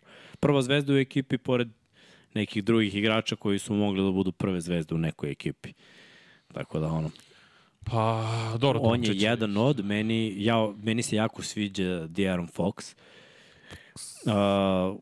od momenta kada je bio draftovan i zbog njega nije bio draftovan Dončić u, u Sacramento, mislim, A, već ne, kao ne, imaju ne. pleja, ali znaš šta, od druge sezone njegov napredak i rad na individualnom unapređivanju. Meni rekao, ok, ovaj momak je okay. nije imao neki šut, znači ušao je kao brz lik koji je ono atleta, da. tranzicija, jedan je od najbržih Kentucky-a, igrača da, da. U, u ligi trenutno, leti, levoruke, Ala jako je teško čuvati levoruke igrače i šut je toliko usavršio da je ove godine bio jedan od igrača sa najviše pogođenih šuteva, pritom ne, nema Najviše strah da uzme šut. Tako je. I to je, ali on od početka ima taj dobar mentalitet. I onda mm. -hmm. deluje mi kao da bi to moglo da bude još savršenije, znaš, on je još na usavršavanju. Znači, taj šut će da bude još bolji, jer ga sve više vežba, a i dalje ima atleticizam imaće ga još 4-5 godina. Malo je, deluje mi duži malo za poziciju 1, Pa ima, ja mislim, 6-5. da, telo mi da ima Ali da, ruke su mu, 194, brate, 5. ogromne Jeste, su mu, znaš, i nekako to je dobro i za odbranu. I igra odbranu sa, sa želj, znaš, kreće se dobro. Mislim, nije, ne, ne spada još uvek u elitu, ali opet kažem, to govorimo o mladim igračima. On je na usavršavanju. I mislim da da može ofanzivno da stigne neko neki stadijum Shea Gilgis Aleksandra koji je podigao nivo Mislim da je senog Šaj mlađi od on je godinu dana. Da, ali nije, nije važno, nego kažem, on je imao jedan nivo, kao na primjer, njegov prošlogodišnji nivo je bio kao pred prošlog, u stvari, ono, Kaper, pre dve da, godine je da, bio Kaper, kao Kaper, prošlogodišnji Fox. I onda je podigao na viši nivo. E sad ja smatram da će Fox da podigne isto nivo na taj, jer se tek uigrao sa Sabonisom, znači taj pick and roll tek može da, da, da paše dobro. Lepo su skockali ekipu u Sakramentu. Yes. Bili su u play-offu, napravili su neki da. uspeh, za malo su prošli u Sabonis drugu rundu. predvodio ligu skokovima, čini mi se. Da. Pazi, za malo su prošli u drugu rundu i tu je Sabonis najviše failovo, je dobro bila Jeste. taktika defanzivnog Golden State, ali Fox je igrao sve vreme dobro, tako da ja bi njega stavio sigurno u top 3 mlade igrača. Pa Dobro, Šaj smo već rekli, meni se izuzetno on sviđa. Darius Garland mi je fenomenalan playmaker s kojim lakoćem on igra generalno košar koja sam oduševljen. Bankero mi se kao ruki prošle godine mnogo sviđa, podsjeća me na Carmelo Antonija kao igrač. Iskreno, sad razmišljam ko bi još tu mogao da bude. Dobro, ok, Luku smo spomenuli, zajedno je igrač u teoriji, ali to samo kaže zato što tebi izmam i osmeh, Srki. A Halliburton isto sviđa kao Dobro, on sad za- repliku se malo više ističe. Znaš šta, je. problem je, on igra u Indijani koja baš ne igra dobro i onda ga ljudi ni ne vide toliko. Ali Da, sad da. kroz svetsko prvenstvo i oni Bankero će malo više da izađu u prvi plan, jer konačno će imati ono spotlight. Konačno, Evan znaš, Mobley biti takođe. oni u... Evan Mobley mi se sviđa, baš ima ozbiljan potencijal da bude dvostrani igrač i odbrana i napad. Scotty Barnes, Toronto isto ima potencijal, malo je stagnirao ove dve godine, ali ok, klinac ima 21 godinu. Tako da ima dosta mladih igrača koji tek Ovaj treba. Kessler isto dobar, brate. Da, je- Walker Kessler, o, kako. Ozbiljno štiti reket, jeste, jeste. može da se, gledaj to, to je tek ono loading, može da se Vidjet usavrši. ćemo i Kejda Cunninghama koji je izdominirao ovoj B selekciji reprezentacije kad su igrali protiv prvog tima, kaže da je on bio najbolji na tim treninzima, tim tekmama, zanima kako će onda izgleda kad se vrati iz povrede sledeće godine. Ima baš dobro zanimljivih mladih igrača. Dejonte Mare. A Mislim, ne, on... nikad nisi vidio Jean Temari, ne znam zašto. Pa ne, njegov stav i taj, ne, nešto mi, smrdi mi nešto kod njega, ne ne znam zašto. Meni Ne mogu ga zagotijem. Fali mi malo šut za tri, ali mislim, trebalo bi da počne da radi na tome, ali ovako gledano dug, defanzivac, 6-5, mislim, za playa, ali tad jednu sezonu, mislim, propustio, Da, u San Ali Antonio kada je pokidao činjenic ligament. Ok. Shadon Sharp iz Portlanda, mislim, malo je preozbiljan atlet. Preozbiljan atlet, leti bukvalno. I za njem je on i ovaj uh, Scoot Henderson, kako će tandem napraviti. Mm. Kažu, kad smo već kod Sakramenta, šta mislite o Monku i Mareju? Vrlo eksplozivan tandem. Možda su defanzivno malo limitirani, jer je Monk malo manji za beka. Iako igra dobro odbranu, igra sa ozbiljnom energijom, s klupe kad uđe ume da metne 30 kad ga krene. Tandem Prangija. s Kentucky, igrali su zajedno na Kentucky i to samo vidiš se hemija je ostala netaknuta. I sad je mnogo lakše da se uigraju i da igraju zajedno i sve to. Lepo meni, a Sacramento mi je zabavan. Ono. Jeste. Zabavan mi je za gledanje, volim da gledam Sacramento. Kažem ti, odličan miks veterana i mladih, opet dovoljno iskusnih igrača koji su već prošli neki godinu na NBA. Mislim, nikad neću zaboraviti kad je Jordan lupao ćuške Monku na klupi, jer je ovaj nešto pogrešno uradio. To je bilo presmešno. Mislim, sad mi obično o ovim mlađim smo baš pričali ovim klinicima ispod 25.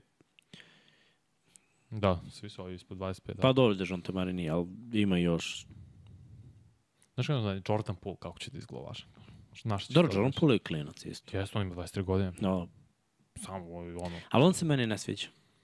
Ja bih ga napenalio kao Draymond. ne, mogu da Raymond nikada oprosti to. Udriš klinca, ne znaš.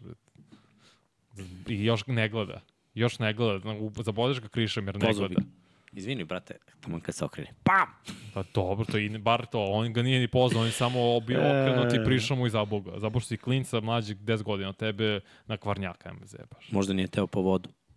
Se desilo to nekada, nisi teo starijima da odeš po vodu? Ne, gde si lud. Kao nisam nikad smeo. brate. Kako možeš živješ po Ja vodu? sam jednom rekao ne. E, vidio sam Gagu na Olimpu pre neki dan. O, Kako? E, posle sam išao, dve flaše sam nosio. Nikad. baš tako. E, Gagi sam uvijek išao po vodu. Kaže, vidio sam ga pre prošle nedelje na Olimpu. Ne, čelik, treba i dođe u podcast. Zove ga. Pa pa pustio mu poruku. Rekao sam mu zapravo i on je rekao, Manja, na poruke nisu za tebe. Nisu, ne, ne, brate. Uživo samo i Da. Za rukav. Ne, ne ide ti. Ne ide ti za porukama. Mora da shvatiš. Zabranjujem ti da šalješ gostima poruke. Isključivo. A, znači. Tvoje poruke, možda ti na telefonu imaš opciju kad šalješ nekom poruku da ide automatski sin. automatski ide u spam. A, dobro, 23.58 čoveč, kako ovde lete. Da, baš lete ovaj, sati sa ovim vanjenim listama. Ništa, ajde da prekidamo da tamo ovaj, stignem jednom u životu pre jedan u teretanu. 700 duša u, u četu. Bravo. Bravo, svaka čast. Ispoštovali smo ovu vanjenu listu 30 najboljih. E, Da vam ne obećamo kad ćemo se sledeći put družiti, jer ko zna, ako budemo nešto uspeli ove nedelje da odradimo, probat ćemo, ali ovo ima dosta obaveza, ako ne, taman sledeće da najavimo. Sledeća epizoda svakako je posvećena najavi svetskog prvenstva, znači to ćemo sigurno da odradimo. Tako da, Sledeće nedelje, da. pa da, Pa da. Pa mislim da ćemo raditi sledeću epizodu sledeće nedelje. Ne znam kada ćemo stići, mislim sada i pa da. sutra i Mislim, petak. možda najrealnije da bude to sledeća sreda. Pa da, To je možda najrealnije. Sreda, pa Pa onda će se zaređati malo, Svetsko, da, malo jače kad krene svetsko prvenstvo. Nećemo biti svaki da, dan, sred- ali ćemo... Nećemo svaki dan, ali nakon svakog da prođe kola... neko kolo, pa da... Pa da, prođe da onda jedno kolo, pa odradimo. ne Dva, tri dana, dan. pa Pa malo... to, to, to, to. tamo da vi spremite pitanja, da mi pogledamo ono sve tekme i da, i da pričamo o tom. Jer ono, nekako mi delo da neće svetsko biti na nekom nivou koji sam očekivao da bude onako vrhunski, ali i dalje ga nekako ono, čekam s nestrpljenjem i dalje tu ima reprezentacije koje Naravno, želim da pogledam. Svetsko prvenstvo. I ono, čekam da prođe ono prva grupna faza, da se to malo iskristališe, da, da prođu neke bolje repke, pa onda će moći da se priča. Imamo neke nove grafike, to je sve Pera lepo smislio, svidjet će vam se, siguran sam. Čak smo i ovde za potpis imali neke nove animacije, ali nismo ih danas. Ovaj, još uvek su na... Da, da, to- da, da, da. Od svetskog era. idemo po, polako ali sigurno sa unapređivanjem. Tako da se baš nadam da će vam se to sve svideti. Ovaj, niste bili baš aktivni sa lajkovima. Preko 700 ljudi, 150. Le, le, le, le, le. Pa o, o, ovo kao deca kad stanu da šutiraju bacanja ne mogu da pogode. Te smo imali, danas smo imali te procente, ali dobro. Biće bolje, biće bolje.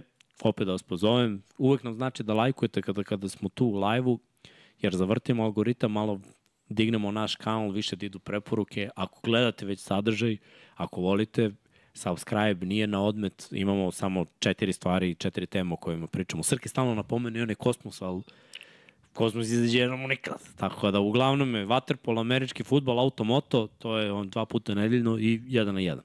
Isključite notifikacije. Dobro, odvoji Formuli MotoGP 5. Automoto sport. Ok, ok. Automoto. Dobro, dobro, znam, ali različite. Ali automoto. Automoto. Brm, brm, mi, mi, mi. automoto. Ok. Ja sam bun.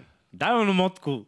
Vidim da ga nisu dovoljno levali. Kažu Vanja bravo za liste, kaže Log John, stvarno bravo za liste, baš si se potrudio da, da napraviš ovo i da se upoznamo sa svim tim legendama. Doduše, to je sve bilo vezano samo za NBA ligu, a sada se posvećujemo totalno svetskom prvenstvu. Tako da, hvala vam što ste ispratili ovo. Čekirajte shop, pogledajte stvari koje radimo, opet vas pozivam, subscribeujte se ako možete, nama bi puno značilo ako vam je to samo jedan klik i fazon mrzi me, nemo da vas mrzi.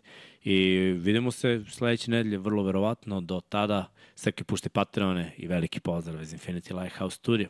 Ćao!